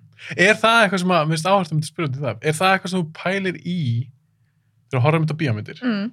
og kannski myndir svo- þessar eldri myndir, svo Pulp Fiction frá 94 minnum mig, Já. frá 90s mynd Mm og svo ertu að horfa á þessar nýlu myndir í dag Já. ertu mikið að pæla í þessi mynd hvernig konur eru tólkaðar eða svona Ég pæli rosalega mikið í bara hvernig alls konum fólk er tólkað út af því að í dag þá eru svo miklir standardar til Mhm. þess að búa til mynd. Þú þarft að fylgja ákveðnum reglum, þú þarft að hafa, þú veist, ef að, þú þarft, ef að það er hvern persóna í myndinni, þá Mhm. þarf hún að hafa minnstakosti eina senu þar sem hún talar ekki um kallmann. Það er bara reglur eiginlega innan kveikmyndagerðar í Mhm. dag. Mhm. En á þessum tíma voru þessar reglur ekki, þannig að þessar, þú veist, það var rosalega mikið í bíómyndum, þannig að þegar það er ekki, þá tekur maður eftir því mhm, það er maður svona, vá, það er Karlmar að skrifa þessa mynd og hann skrifar hvern karakter sem er karakter. Þa, En, í- mhm. það er magna en í dag er þetta svolítið forsað. Þú veist, núna þurfum við að hafa þetta svona, núna þurfum við að hafa þetta á þennan hátt. Þannig mér Já, sér það ég svolítið skil þig. skína stundum, ekki alltaf, Ha. en eins og þú veist, þegar maður sá þegar nýja Ghostbusters myndin kom út, Já. það var bara það var bara feminista mynd. Hún var ekki góð, fínar leikonur, en þessi mynd var bara gerð til að vera svona feminista mynd. Já, ég og sama skil. finnst mér um Harley Quinn myndina, Birds of Prey. Já. Þú Veist, þetta var svona rosalega mikið svona, hei, sínum bara konur í stórum sko. hluturkum. Mhm. Þú veist, látum þær gera, þú veist, ekki kvenlega hluti, en láta þær samt svona, hafa svona touch af kvenlega hliðinni til þess að hafa þetta svona relatable. Vá, á- á- mjög áhverð, þú ert kona sjálf, þá finnst mjög áhverð að svona, sérstaklega þú í yngri kantunum, bara svona Mhm. hvernig þín upplifun er. Að því ég til dæmis pældi ekkert, þegar ég var yngra pældi ég ekkert mikið í þessu. Nei. Að því ég var að horfa kannski aðalega okkar hasamindur og það er okkur Mhm. kattið alveg ekki og eitthvað. Jú. En svona, eftir því ég tala líka við fleiri konur sem podcasti og vinkona Mhm. mínar og svona, að því þú upplifir myndir öðru sem ég, Já. skilur, og og mér finnst mjög áhært að mynda að lítið tilbaka og maður horfir okkur á mynd og maður er bara svona, já, ok, ég fatta ég fatta hvað það er að tala um Já, þá ertu með kannski eitthvað tvær konur það er aðrið þess að það eru að labba saman og það eru að Mhm. tala um kall mm -hmm. sem er eitthvað svona, þetta er svona þetta basic þetta Já. klassíska standardót Mm -hmm. en svo það mitt eins og þú nefnir í Perfection Mia Wallace, það er bara geggjaða karakter mhm. Hún er geggja karakter, hún er svo vel skrifuð. mm -hmm. og hún er með svo góða baksögu og það er farið, þú veist, hún er kannski ekki aðal aðal karakter í myndinni en maður kynnist persónu svo vel og á sama tíma erum við samt ekki að defæna hana á karlmanni eins og allar aðrar konur í öllum öðrum hlutverkum. ég skilji ég er sammálar, hún er líka rosa eftirmilleg Hún er það. líka bara lúkjana, hvernig hára hana var Já. skirtan, fötin, svona dansadri með þeim. Mm -hmm. Gekkjar Halloween búningur. Já, er, er þetta ekki svolítið vinsall Halloween? Mm. Jú, búningur? akkurat. Að vera Mia Wallace? Já, og svo parabúningur, þú veist að hafa hérna, Já, í- sem eh, Vincent Vega. já, Já, akkurat. einmitt. Já, þetta er cool, þetta er cool look, sko. Mhm. En, hvor fannst þið betri karakter, náttúrulega í grillaði? Hvor fannst þið Mhm. betri karakter? Mia Wallace, Mhm. þú veist, Uma Thurman í Pulp Fiction. Já. Eða The Bride í Kill Bill, sem er líka Uma Thurman. Ég geng út úr því að þú ert búin að sjá hana. því Þú Já. veist, þú ert búin að sjá allar með Jackie Brown. Mhm. Vá, það er þegar stórt er spyrst. Að ég dyrka hann í, bara- í Kill Bill. Hún er æðislega kilpil. Mhm. Sko, ég verð að segja Mia Wallace út af því Ah. að við fáum svo lítið að sjá hana en hún er samt svo rosalega eftirminnileg. Hún er svo rosalega vel skrifuð að við þekkjum, okkur líður eins og við þekkjum karakterinn, samt ekki aðalhuturki. Góða punktur. Þetta er alveg rétt hjá þér. Takk. Hún er líka sko að því að Pulp Fiction, það er kannski ekki beint einn aðarleikari. Það er rétt. Þetta er svolítið svona ensemble piece, þetta er Mhm. svona margir leikara, margir karakterar. En hún er samt, að því Uma Thurman er góð leikona, Æðislega. en í þessari mynd hún er alveg að leika á móti þunga mitt að leikurum, Mm en hún dettur aldrei, í skugg- hún fættar aldrei í skuggann. Nákvæmlega. Já. Ég elska Pulp Fiction bara svo mikið, sko. Já, Að tónlistin geggjuð. já, plötuna. Samt. Nei, eða? Já, vínil. Þannig að þú Ah. dyrkar væntalega tónlistina. Já. Hann vel líka alveg skemmtileg lög, Tarantino. Ó, Oh, já. En svo Reservoir Dogs. Hvað finnst þú hún? Sko, ég hef bara séð hana einu sinni Ah. og ég held að það hafi verið, þú veist, ég man það lítið eftir myndin, ég held að það hafi verið um kvöld þegar ég var eitthvað að dotta. Þannig ég þarf að sjá hana aftur. Mm. Ég, en hún er alveg eftirminnileg, hérna, uh, ef ég man rétt, þá gerist hún s- meira að minna svolítið bara á sama staðnum. Gæti næst ég bara verið hálfgjart leikrit. Það er það sem ég elska þegar myndir eða þættir er bara gerðar á einum stað. Já. og ná að, þú veist, að samræða ná að halda uppi myndinni mér finnst það svo æðislegt að það er svo vel skrifa handrit Mhm. En eins og þá er ég að spyrja, þig, eins og Hateful Eight, sástu hana? Já. Af því hún er pínu svolítið svona leikrita leg, hún Mhm. gerist rosa mikið bara í einu húsi. S- aðalega bara samræði byggð Hvernig fannst þér hún? mér finnst hún æðisleg Fannst hún of löng? mm, þegar ég sá hana fyrst, Ah. já en þá var ég líka svolítið yngri og kunni ekki alveg að meta þetta Ah. en í dag þegar ég get hlustað á svona langar samræður án þess að vera eitthvað að detta út Mm. og verða áhugalaus þá finnst mér hún æðisleg um ekki oflung Af því sömur sögðu það, ég er ekki sammálaði. nei, Mér fannst hann aldrei langdur en ég, ég naut hverja einustu mínu. En sömur sagði að hann er of, of hæg, hún er of löng, hún er svolítið langdur einn. Já, ég held að það sé bara að fólk sé að hugsa svolítið eins og ég gerði þegar ég var yngri. Þetta var svona, æ, þetta er bara samræður, þetta er bara svolítið boring, ef má segja. En svo þegar maður fer að Mhm. hlusta svolítið á hvað karakterin er að segja og sjá sögurnar sem eru að búa til, maður setur sér svo mikið inn í þetta, þetta er svolítið eins og að lesa bók Sammálaðar. Vá, wow, hvað er sammálaðar? Veist, þá er maður svona meira að ímynda sér maður þarf ekki að sjá allt sem gerist Mm -hmm. maður getur bara þeir eru að segja frá atbyrðum og þú bara svona sérð hana fyrir þér í haustnum í staðan fyrir að hún sé bara gefin á Já. skjánum Svo er líka bara svo töff við þá mynd af því að Tarantino er svo góðu penni mm að þetta er ákveð svona mystery mynd og maður er bara, Já. yeah. hvað er að gerast? Hver er, þessi- er þess að ljúa? Er þess að segja þess að? nákvæmlega, Get ég treyst þessum? Get ég treyst... þú veist, Mér varst það svo töff í henni. mördur mystery má segja, Já, einhver leiti. Hann sagði mitt sjálfur, þetta væri svolítið svona hans Agatha Christie mynd. já Minna hann hafi sagt það sjálfur. Ég skýr hvað hann á við. já, Að því maður, maður þú veist, grunar alla mm og treystir engum, þetta er allt heit, alltaf heitfól, þetta er allt ógæslegt fólk og Mhm. Já. Ég, ég, ég er ánar að þú fílar hana. ok Af því að hún er svona, maður fær oft frá Tarantino aðdándu, bara svona, að mér ást hún ekkert spes.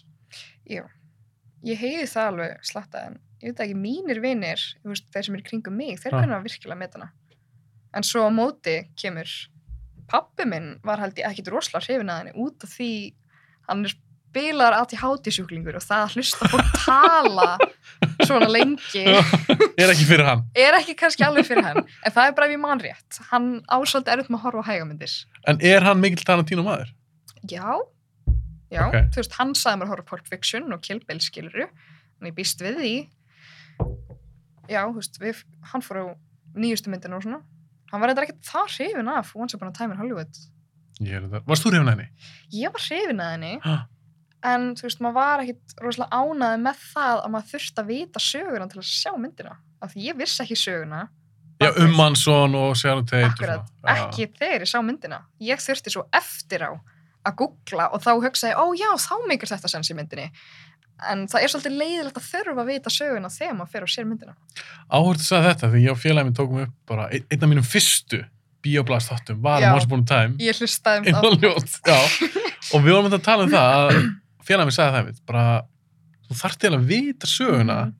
til þess að njóta hann almenlega er það ekki smá galli? Það er smá galli. Þú veist, jújú, jú, þetta er fræg saga og margir vitana, en þetta er svolítið öðruvísi ef þú værir að gera til dæmis, ég veit það ekki, ef þú værir að gera mynd sem snerist um einhverja, ég veit það ekki, öskubusku. Ha. Þú veist, þú þekkir öskubusku söguna, það þekkir allir Já, já, öskubuskusöguna. já, ég skilji, ég skilji. Ef maður væri að gera mynd í kringum þá sögu, þá myndi hann kannski sleppa eins meira heldur en eitthvað saga sem er ekkit eitthvað rosalega þekkt. Nei, ég skilji hvað. Þetta- Þetta er ekki svo að segja uh, sögur sem að- eitthvað um Hitler eða setni heimstöldin eitthvað sem svona Nákvæmlega. flestir emitt, já. Ég er sammálaður. Af því mér fannst það að vera svona smá galli. Já, Mér ég fannst- sammála. Mér fannst það bara einhvern veginn, æ, ég veit ekki, ég, ég var ekkert svaklega hrifun að henni. Nei, loka senna var geggjuð. Hún var alltaf mjög skemmtileg, mjög skemmtileg. Já. En ég man í bíó, þá hugsaði ég með, með mér pínu svona uh, too little too late. Já, reyndar. Hún var svolítið langdregin. Þú veist, það kom góð moments. Þú veist, góði leikarar. Mm -hmm. Tarantino er alltaf með góða leikara. Já. Svo sem að skein svolítið vel var litla stelpan. Hún var aðeinslega á móti DiCaprio. Alveg svakalega góð. Mhm. Hún, alveg, hún var ekki lengi á skjánum. kannski 12 mínútur alla myndina eða eitthvað. Hún samt greip mann. Eftirminnileg. Rosalega eftirminnileg. Já, ég held, er hún ekki bara í tveimur atriðum eða eitthvað? Hún er bara í tveimur átrið. Já, er það ekki? Jú. Ég held það. Og bara samræði átrið. En mér varst líka svolítið skemmtilegt einmitt það atrið, sérstaklega þegar hann er að lesa bókin, hann hittar Mhm. hann fyrst. Mér var svo gaman líka að þú ert að horfa út í kapri, hann er rosalega reyndurleikari. Já. Á móti þessar stelpu sem að er öruglega ekki mjög reynd, hún var það ung. Já. Mér var svo gaman að sjá kemist við þeirra. Mm Af því mér varst hann líka góður Já. á móti henni. mér finnst þetta geggja, það var eins og þau bara að ég veit það ekki, þau bara fjallir rosalega vel Já. saman á skjánum En þá hugsa maður, maður með sér, er það ekki svolítið leikstunum þakka? Að einhver leiti. Jú, Þú ert auðvitað með góða leikara, en algjörlega. stelpan greinlega góða leikara, Mhm. alveg frábær og DiCaprio alltaf solid, en það er leikstunum sem það svolítið svona púsla þessu Mhm. saman og búa til eitthvað ákveð, ákveð andurslótt, get ég ímynda mér. Já, algjörlega, Hann er snillingur á Tarantino maður. hann er það getum En nú- talað um hann allt Já, nóg, um þetta getur verið Tarantino þáttur. En nú ætla hann bara að gera, segir hann, Já, hann ætla að gera tíu myndir, mhm, þess að það var eina eftir. já Hvað finnst þú um það? Finnst þú það leiðilega? Ég myndi ekki segja það, út af því Ah. að hann náttúrulega hefur alveg lauma sér að gera aðra myndir sem hann er ekki að skrifa, leikstýra og gera alveg sjálfur, Mhm. eins og hefur þessi Four Rooms myndina. Já, ég sá hana bara þegar hún kom út, ég held að hún sé 90 og eitthvað. Já, Hún er frekar gömul.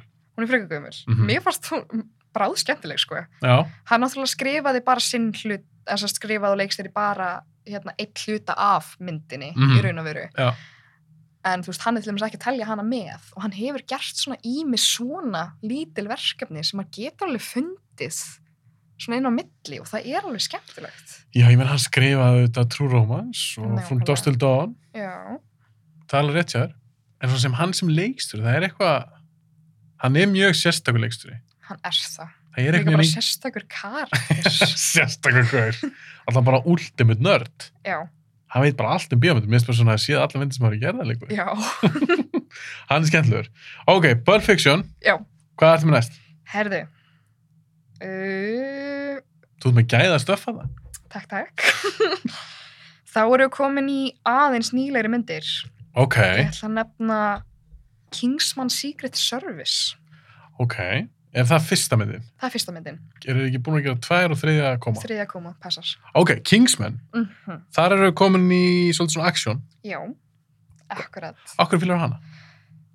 action.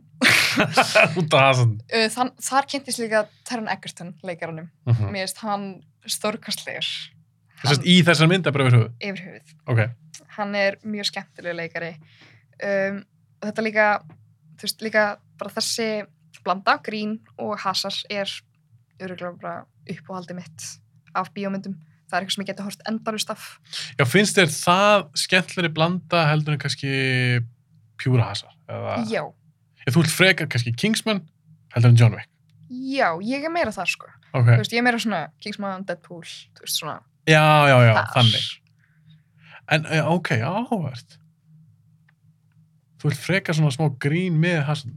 Já, út af því að lífið er eiginlega bara grín. Góð stending. Eða ekki? En eins og leilökan, nú talum hana, það ætti þá að vera eitthvað fyrir þig. Það verðist vera svona grín og hasar. Nefnilega, þess vegna er ég fyrir ekki spennt að sjá hana. Já. Ok, Kingsman. Já.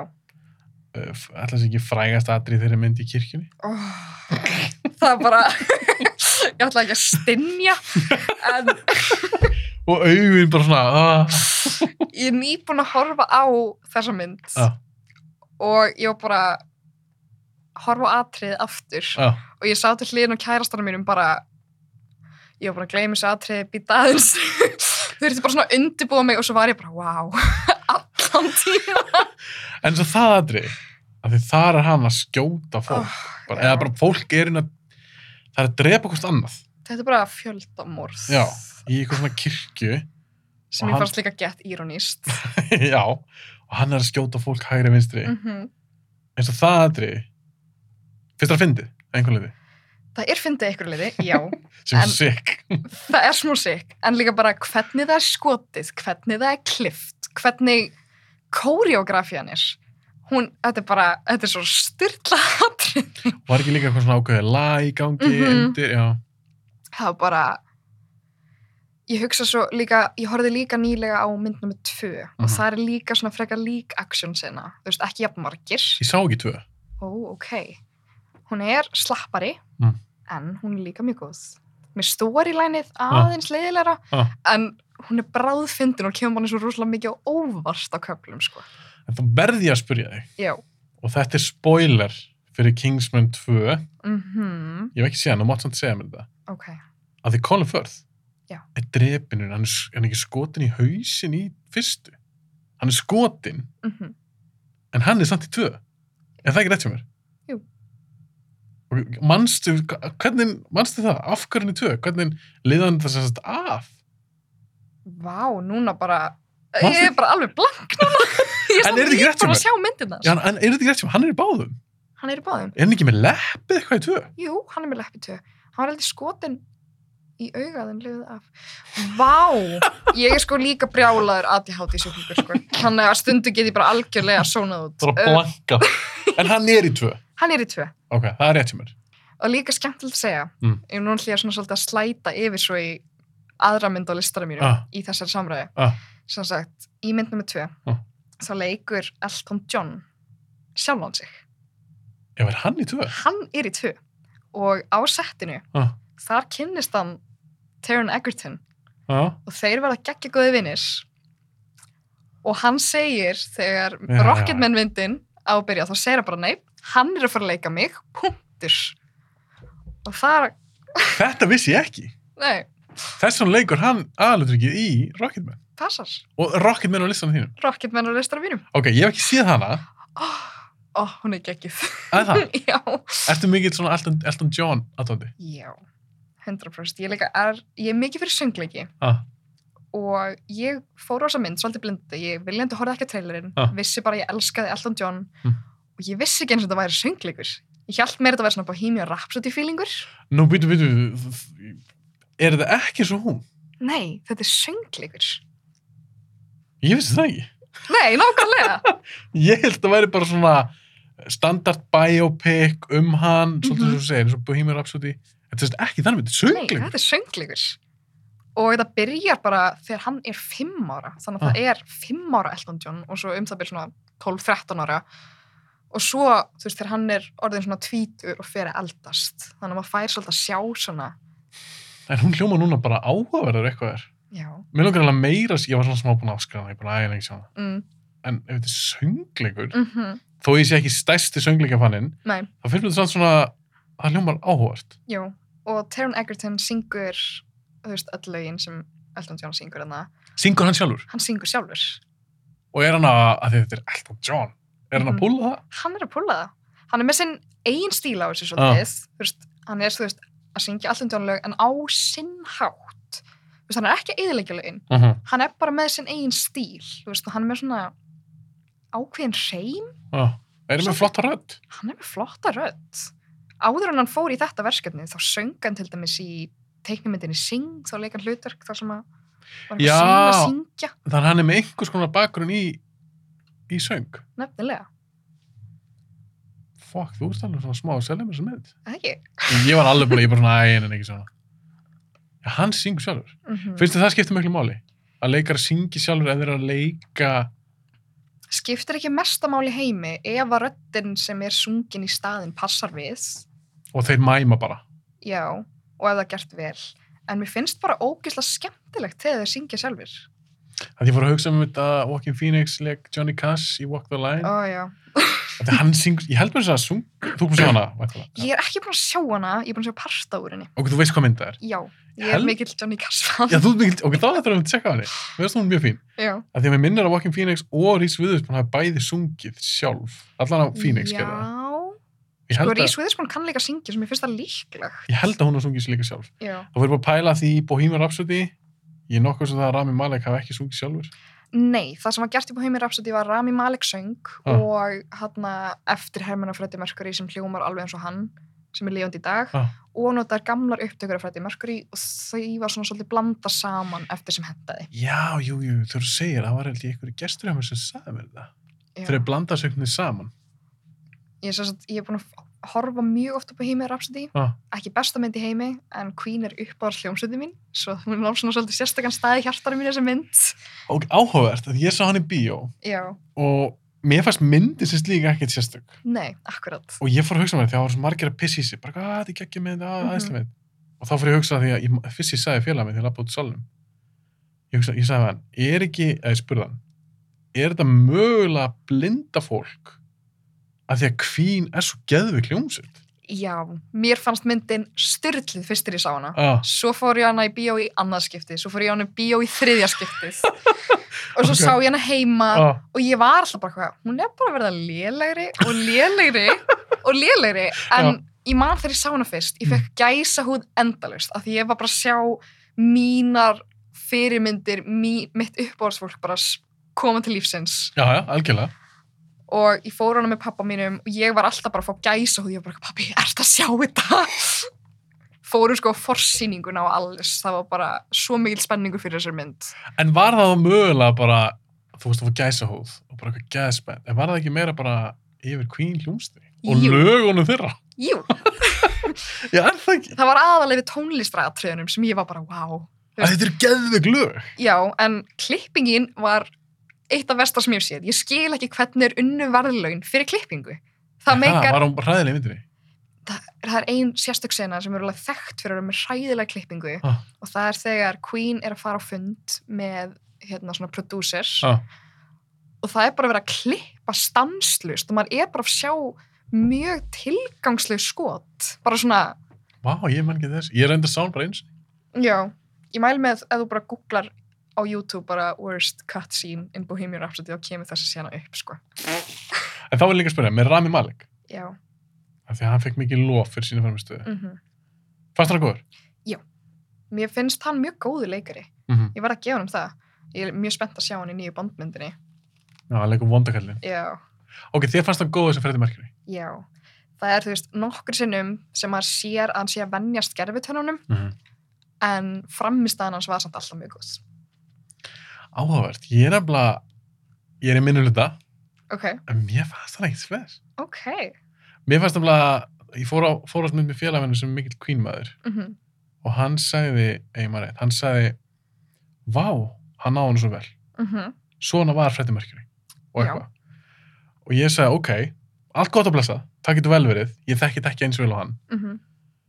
en mér fannst Rami Malek alltaf að leika karakter mér fannst hann ekki verða persóna ok mér fannst þess að það væri Freddie Mercury eftir hann ok, sattur hvað við? ég fatt að hvað þú átt við en á sam tíma Ah. þegar maður hugsar þeir eru svolítið að sína Freddy Mercury hvernig hann kom fram fyrir áhörundum Uh -huh. og ég hef heyrt, ég náttúrulega hef ekki hitt Freddy Mercury sjálf Nei, því miður að hann var bara rosa rólegur gæi í alvörun, hann var ekki svona flamboyant eins og hann er á sviði hann Mm. var svolítið bara svona útaf fyrir sig, feimin og þú veist, Rami Malek var ekki þannig í myndinni þú veist, ég vildi að meina að það sem að mér fannst virka svona fake hafi kannski verið meðvitu ákunni hónu svo leikara mögulega þetta er bara svona pælingar Já, ég er ekki í hugsað um þannig kosmosið þetta er góð pæling og ég skal, ég skal draga kannski aðeins í land þetta er alveg þetta er áhverjum punktur ég hef ekki hugsað þetta þannig að því ég var bara eitthvað, vá, mér finnst bara að ég er að horfa á bara svona eftir henni þetta er svo þegar ég horfði á Walking Phoenix í Walk the Line Já. þó hann líti ekkert nákvæmlega eins út og Johnny Cash mm þá keipti ég persónuna mér fannst ég voru að Já. horfa á persónu mér fannst ég ekki voru að horfa á leikara að leika mhm. það er þetta alveg það er á fín lína það er fín línan að já, sérstaklega það kemur að svona stórum personum þú veist, eins og já, Freddie Mercury, já, já, já. þú það er alveg rétt. þá er alveg líklegt að maður detti í karakter þetta er svona svolítið eins og ef ég ætti að fara að leika lapp já. þú veist, maður, maður er ekki að fara að vera eðlilegur maður er að fara að vera lapp á sviði Já, já, já, ég skil. Þú ert að tala um að þú myndir örgulega leika frekar sviðslata mm heldur en alvörulata. Eða svona.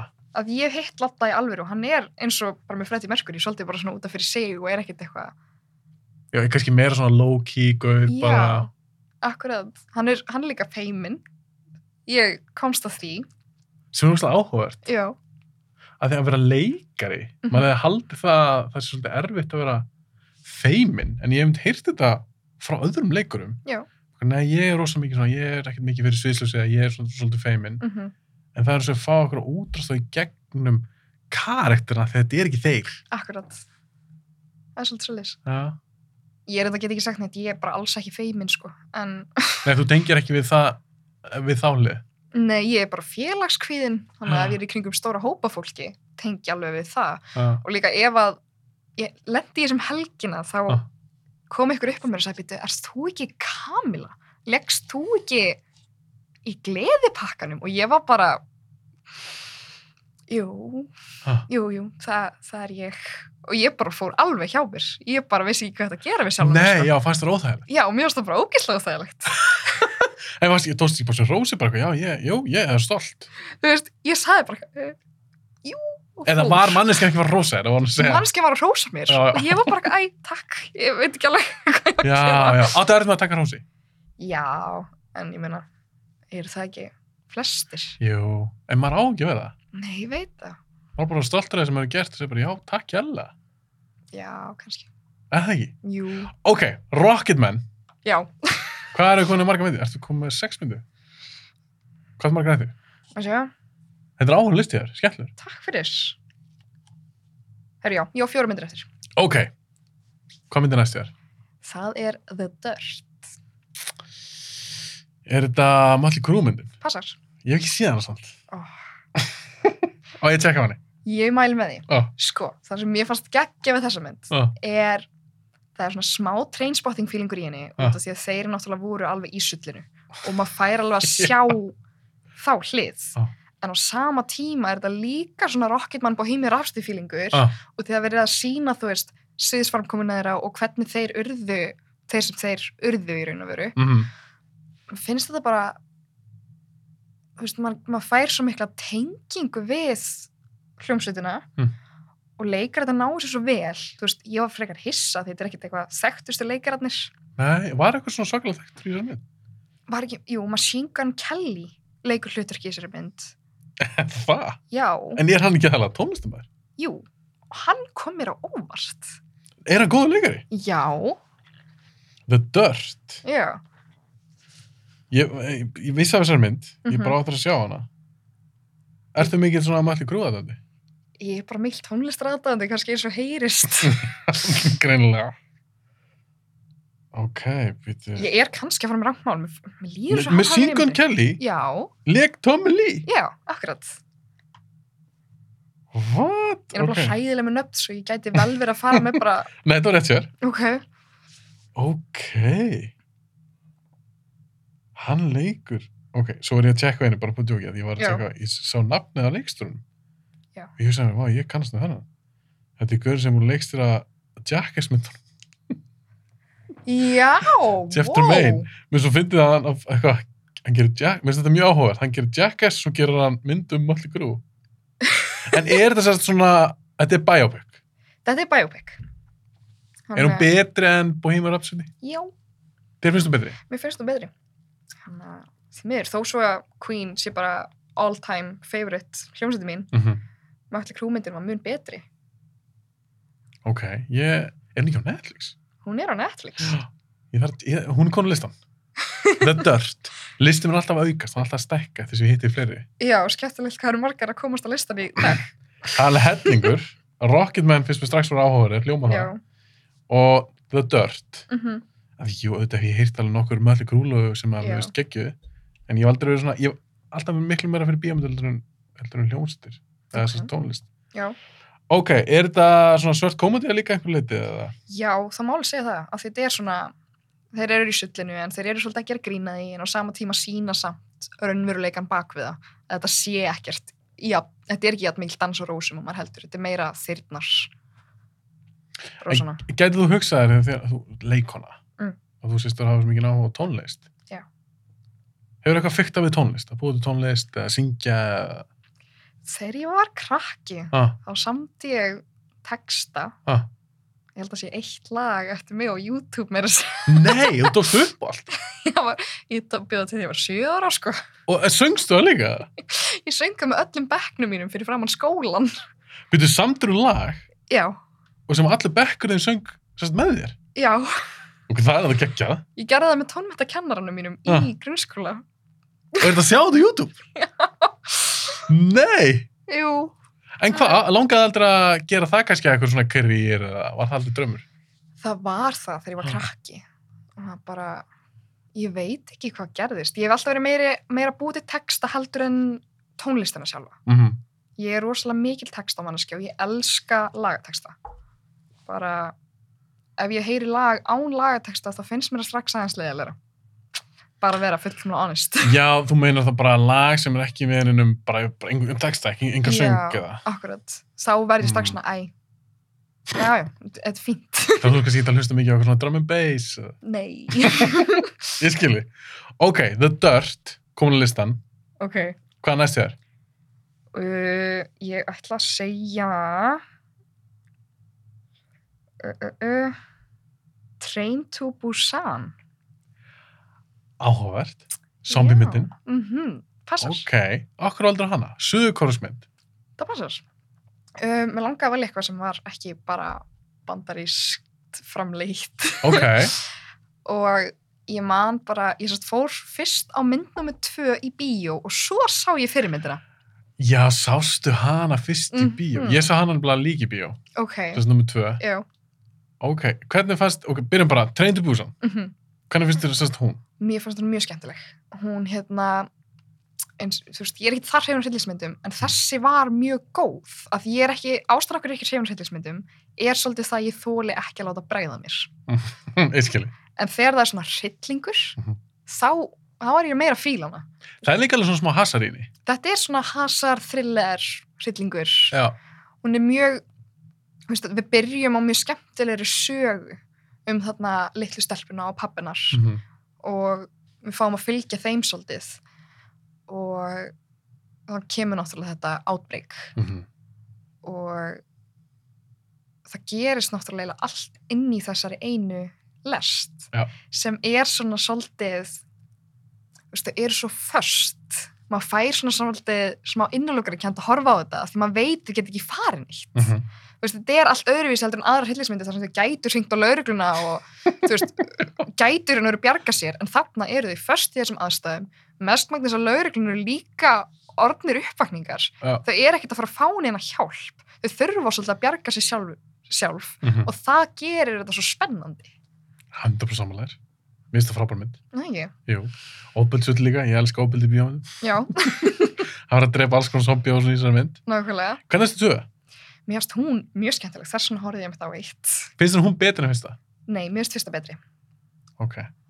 en plottið í nummer tvö er samt svolítið fjölbreyttara mm Mhm. -hmm. jú, það er svona mér finnst ógeðslega skemmtileg fílingur þetta litla samfélag sem er búið að búa til þarna, Mhm. mér finnst það alltaf ógeðslega skemmtilegt af því það þarf svo mikið creativity til þess að búa til eitthvað svona Já. og það er rosa skemmtilegt að fylgjast með því en það er ekki játn mikið svona þú veist, þau eru ekki játn först í því þau geta farið, þau eru að fara þarna sjálfviljug þau eru viljandi að koma sér í þessa hættu Þú veist, í Algjörlega. Mm. hinni myndinni þá er þetta svo óvart og þau eru bara eitthvað, oh shit þannig er þetta nei, við ætlum að vera hetjur við ætlum að gera þetta Er ekki líka tvö? Myndur þú sammála mér þar að tvö er meiri hasamynd? já, tvö er meiri hansamynd, það er minna hryllingur sko, Já. Og mér fannst fyrsta svona tölvöld meira svona spennandi. já, eins og þú segir, með einangrunna og mm Mhm. fastur í eitthvað lest versus að fara í eitthvað svona mission já og líka þetta er náttúrulega sjálfstætt framhald maður þarf ekki að hafa séð fyrstu til að sjá nummer tvö Nei, þetta voru, ef ég maður rétt, þetta voru ekki, þetta voru ekki sumi karakterar ekki sem karakter, þetta er bara Sami heimur bara þetta er sami heimur í raun og veru, þetta er- Mhm. gerist bara nokkrum árum setna þegar það er búið að útiloka heilt samfélag frá þú Alveg rétt veist, þessu átbreyki, svo að restin af heiminum sé ekki að þjást En ef ég maður rétt, að ég sá hann í bíó mm -hmm. Ég var ekkert svakalega hreinu tvö Nei, ok. Mér varst fyrsta törnus betri En var þetta ekki svipað sögurþrar og í Armið þú Dead? Sástu hann eftir Zack Snyder á Netflix Uh, ekki búin að sjá hana. Já, Já. það var eitthvað svona að sækja ykkur á peninga Var það ekki þannig í 30.002? Er ég að ruggla? Þurftur ekki að fara inn í eitthvað hverfi? Ég er Af alveg- hverju fóruð þið aftur í þetta mission? Mér minnir það. Halli, ég er búin að sjá, ég er búin að sjá sem ég man það ekki alveg. Var þetta ekki að sækja ykkur að peninga? Þau voru, örugglega- þau voru að sækja eitthvað. Já. Það var alltaf að gera eitthvað sem ætti að vera freka mikilvægt til þess að vera farað ángað, minnstu kosti. Jó, jó, við erum að reyna, ég veist að ég var að googla það. Jú, four Koreans in Hong Kong sail through the blockade uh, for 20, 20 million US dollars Já, on a truck.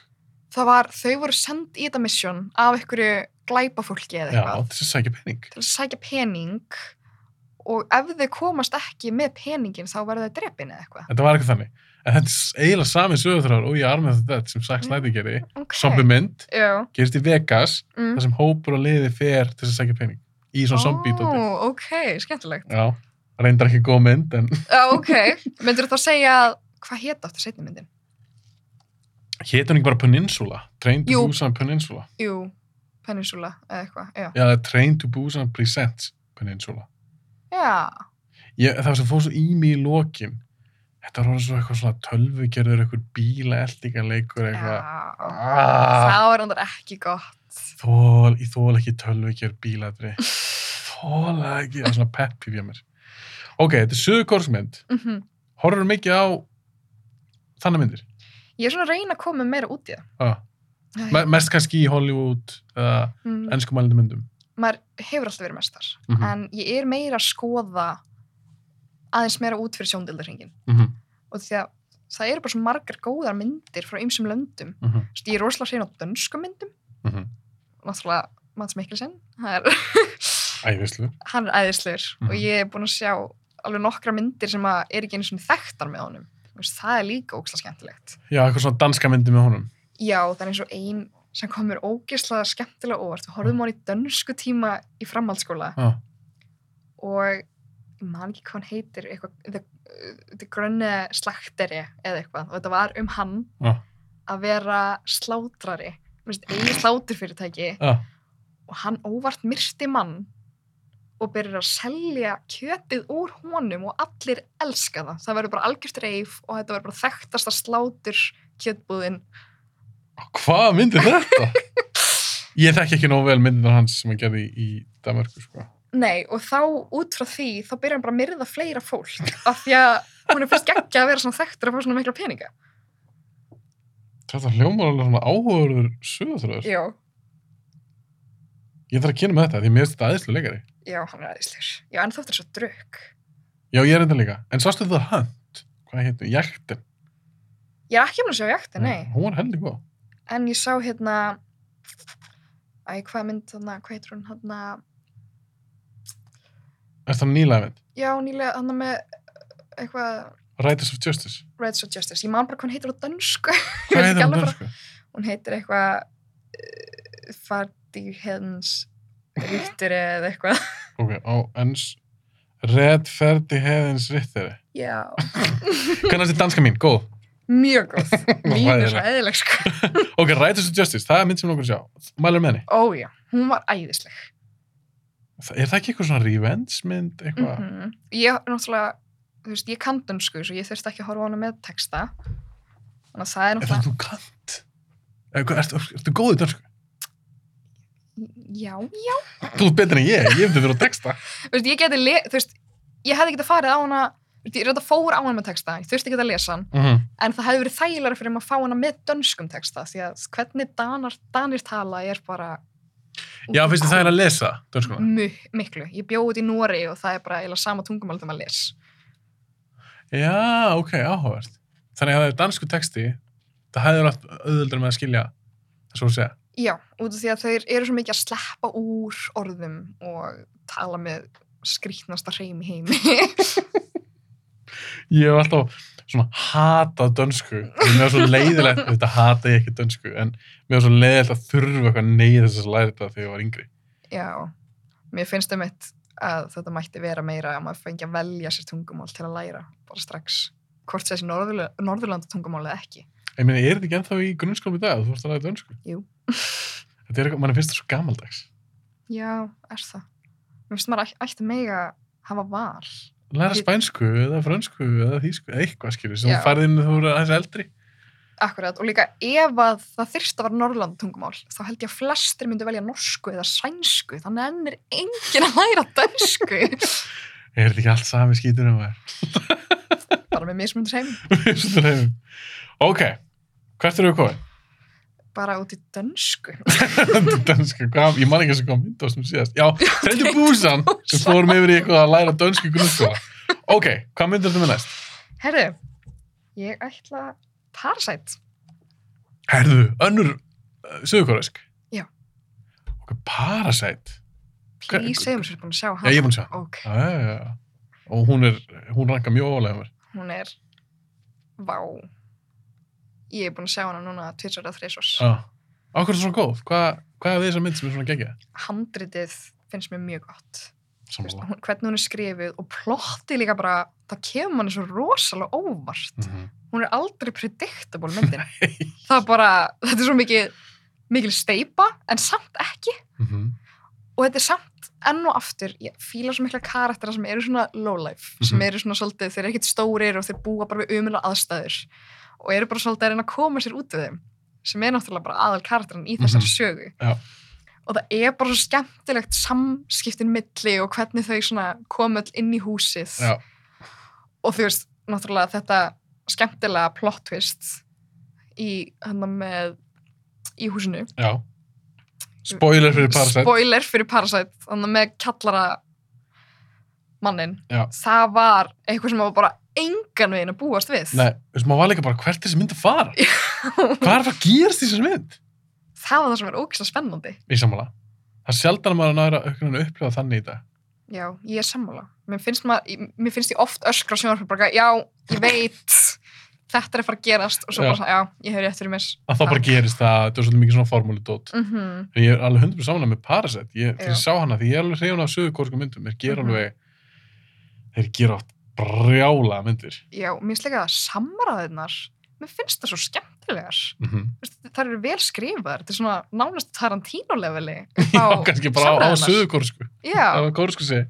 Já, mér finnst hún æðislega þessi mynd og mér finnst hún fyndin mm og mér finnst hún líka dramatísk. Hún er að blanda alls konar einhvern veginn, algjörlega það býr er til hennar rærugröð. það er meira þess að hasar í henni og hryllingur Já, þetta er bara þú veist, að vissuleit, hún verður líka thriller á tímapunkti já, að maður fær svona smá saw-feeling þú veist, þetta er bara þetta er geggjum. all over the place og ég elska það Já, þetta er geggjumynd. Ég man bara því ég sá hana að því að hún opnum ekki aðtekli og allir bara, að þetta er geggjumynd, þetta er geggjumynd. Mhm. Stundum verði ég alveg pínu stressaður, þessi búið overhype eitthvað mynd. Já. Og svo kom hann út, ég leiði hann á iTunes. Ég er ekki mikið verið að downloada nýjum myndum, helst Já. ekki gera. Og ég sagði við kæristuna, herru, ég var að tjekka þessa mynd hérna. Mm. Og því kæristin mín er alveg opið fyrir uh, öðrum myndum heldur en bara eitthvað svona Hollywood. Já. Hún vill bara horfa á eitthvað gott Mhm. og við horfum á hana saman og við vorum bæði bara eitthvað svolítið blown away ok, það er geggjað Já, þetta er geðveik mynd ég fór á hann í bíó Já. mér varst hann styrlið sko.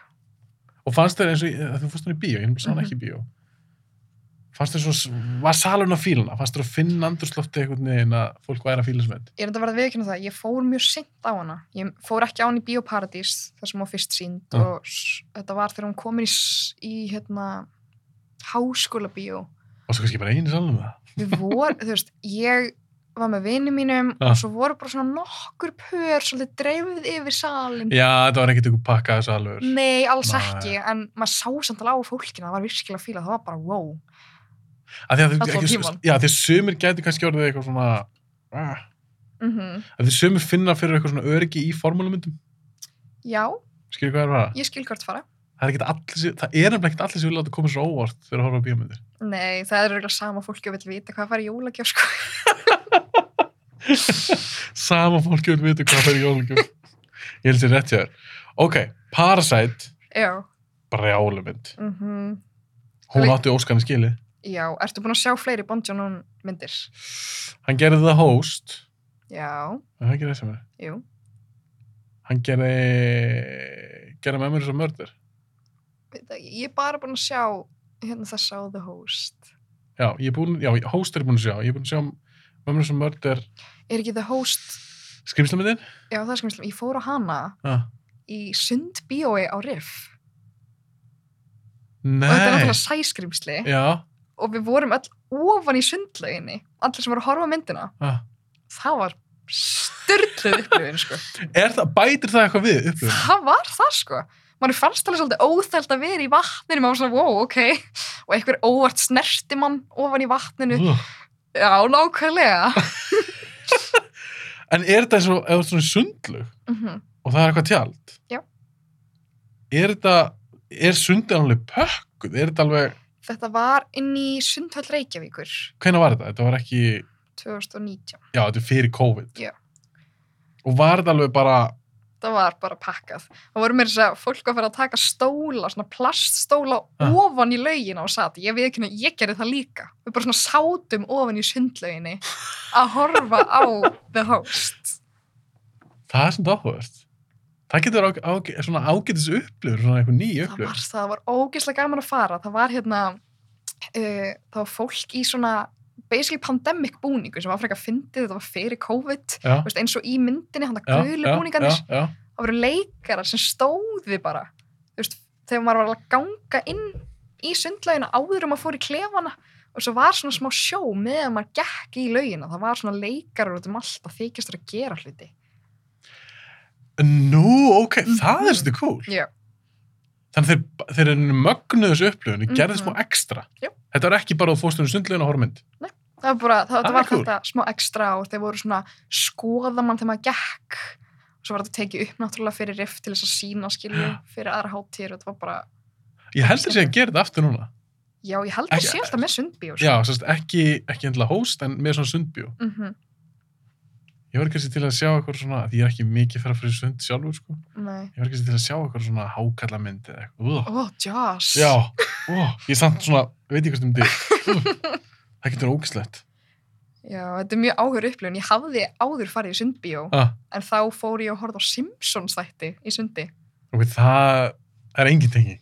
Engin tenging, en það var samt alveg gaman. Ég var, ég veit ekki, ég var svona 12 ára og þá voru bara fullt af krökkum í sundi að horfa á Simpsons. Simpson sundbjó. Já. En það lítur svona að vera skemmtilega að sjá eitthvað svona mynd sem er Já. tengist eitthvað vatni, myndi ég Já. halda. Eins og The Host, það var styrlið upplifun. En eins og með það, þú ert að horfa þá á mynd og host minnum við að sé alveg rúmið tveir tímar. Já, Já. Er ekki þú mikið að vera í, er hlýja? það var Varstu ekki hlið. Það er ekki ekki Það hlýja. var ekki hlið, nei. en er ekkit skrítið að vera bara í sundlinni í tvo tíma bara að horfa á okkur tjald? Þú veist, maður náttúrulega þurfti ekki að vera að horfa á myndir alltaf tíman. Útilegin var náttúrulega opinn. Maður gæti alveg farið í sund ef maður vildi.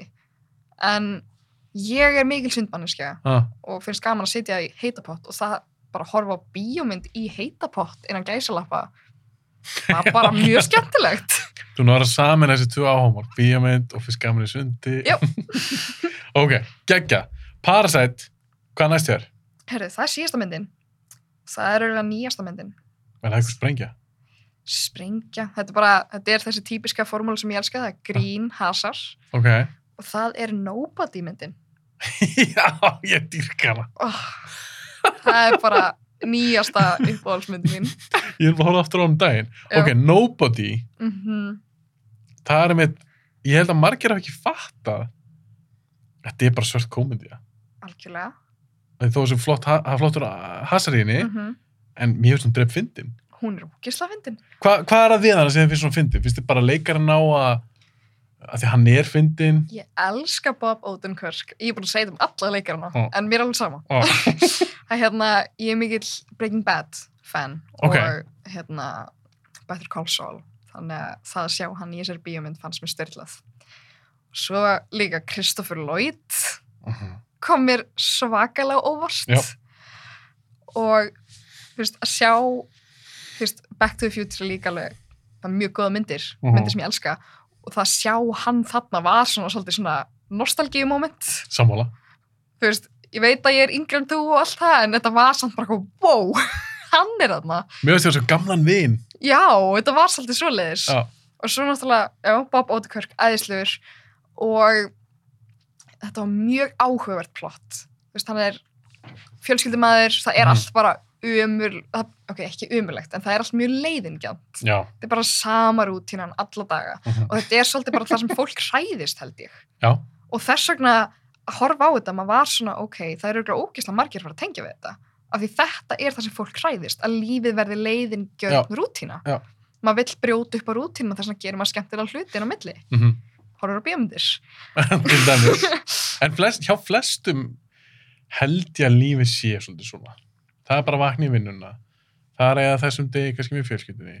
Svo Mhm. bara að taka til. Far, eins og í myndinni, fara með ruslið. já, Það er svolítið svona rútínu líf, svolítið basic. já, en náttúrulega með smá svona aðeins dýbra, þú veist, eins og sambandi millir hans og konur hans var orðið bara frekar lúið, Mm -hmm. þú veist, þau voru farin að sofa með kott á milli sín og hann, Mhm. Ekkert að frétta þar. ekkert að frétta þar, hann var ekki með það gott samband við krakkana sína, þetta var bara svolítið hann bara, já, En er það ekki líka, þegar það er alltaf kemur sér í ljós í myndinni. Þetta er svona spoiler fyrir nobody. já, kemur síðan í ljós í myndinni að þetta er ekkert hann nákvæmlega og hann er að lifa þarna lífi sem hann held að hann vildi mhm en hann er svona pína að svíkja sjálfan sig Akkurat.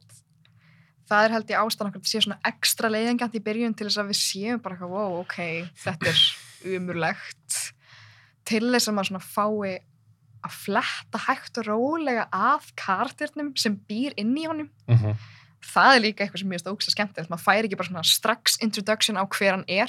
Maður fær bara svona kynnast honum í gegn, bara svolítið sem maður sé kynnast vini eða þú veist, ástvinni eða whatever og svo á hann þetta bara ógislega spennandi líf á undan Mm.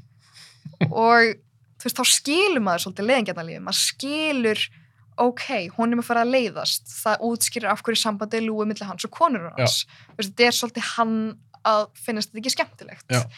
og það að hann hafi hætt öllu sínu til þess að gera þetta líf svo verður það bara svona það verður svo ekstra leiðingjant Já, ég er sammála.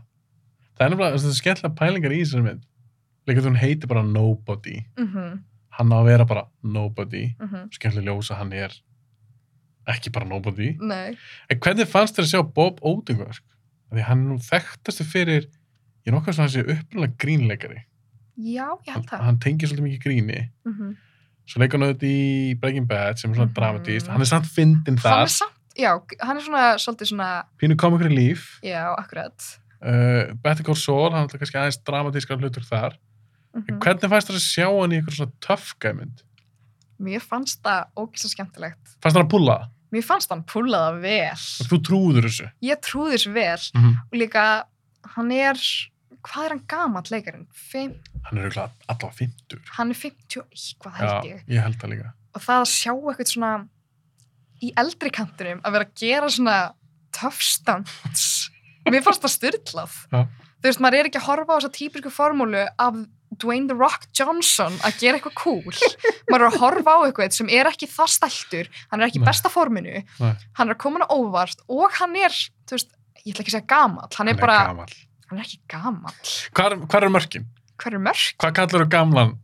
ga- Ég veit það ekki, Anthony? ég á 91 árs gamla langamu mist hún ekki einu svona gömul hún er ógisla hress Já, maður ég, er eins gamall og maður finnst maður verið í anda þetta, er, þetta er rétt hjá þér. Gamla, þetta er rétt hjá þér. Þetta er alveg rétt hjá takk fyrir, þér. takk fyrir Að Ég, já, en, já, ég, ég kæft stopp. Þú náður að þakka niður í mér. Ok, hann er alltaf, hann er á bestaldri. hann er á besta aldri Mm og hann er komin hana í midlife crisis svolítið, Svolítið mikið. svolítið mikið og það er ég elska líka bara hvernig hvernig þetta afflettist inn í þessar aðstæður með Já. þetta helvitis armband Já. þú veist, það er eina ástæðan af hverju hann fór Mhm. í gamla lífið þú Já. veist, þegar maður hugsa tilbaka maður er bara, eitthvað, þetta var eitt lít armband sem var svo ekki einu sinni tínt Nei, svo f- hann finnur það síðan bara undir sofa já, eða eitthvað. Bara Og- hvað þannig er armbandi. og það var bara að gera allt þetta að tilgangslausu búin að affletta af flutum sem hann ætlaði bara ekki að komast í snertingu við aftur hann er búin að, þú veist, heyri fólki sem hann Já. var búin að loka á og allt þetta og svo bara æjæ Það er, svo ske- það er rosalega skemmtilega atbyrða sem fyrir stað mm út frá þessu armbandi. nefnilega En dóttina sátt það líka og hann bara eitthvað brjálaðist. Já. Bara eitthvað, Þið stáluðu armbandi dóttuminnar. Mm En svo var svona pínu fyndið að hann finnur síðan aðeins sitt í myndinni, kannski meiri mynd. Þá finnur hann mitt bara eitthvað undir sófanum eða eitthvað á gólfinu eða eitthvað. Þannig að það var aldrei neitt sem að stál því. Nei, þetta var bara, hann, það síndi svolítið hvað hann misti sér mikið. Vist, bæði fyrir okkur áhörfundunar og hann, hann svona, oh shit, ég er búin að gera allt þetta fyrir ekki neitt. Og það er bara búin að starta miklu stærri atbyrðarás, svo, En Mér finnst líka áherslu þessu mynd. að Þetta er sami gæja sem skrifaði John Wick. mm og þetta er svolítið svipaði sögurþróðar. Já. En það er eitt sem að gera mjög ólíkar. Það er John Wick, hann vill þetta ekkert. mhm. nei, Hann er bara, ég er hættur, hann er svolítið dregin aftur inn í þetta líf. Já. En Hutch, þetta er ekki Hutch Mansell í, við minnum það, svo bótukörk í Nobody. jú, Hún hann heitir hétt Hutch. Já. Hann vill fara aftur í þetta.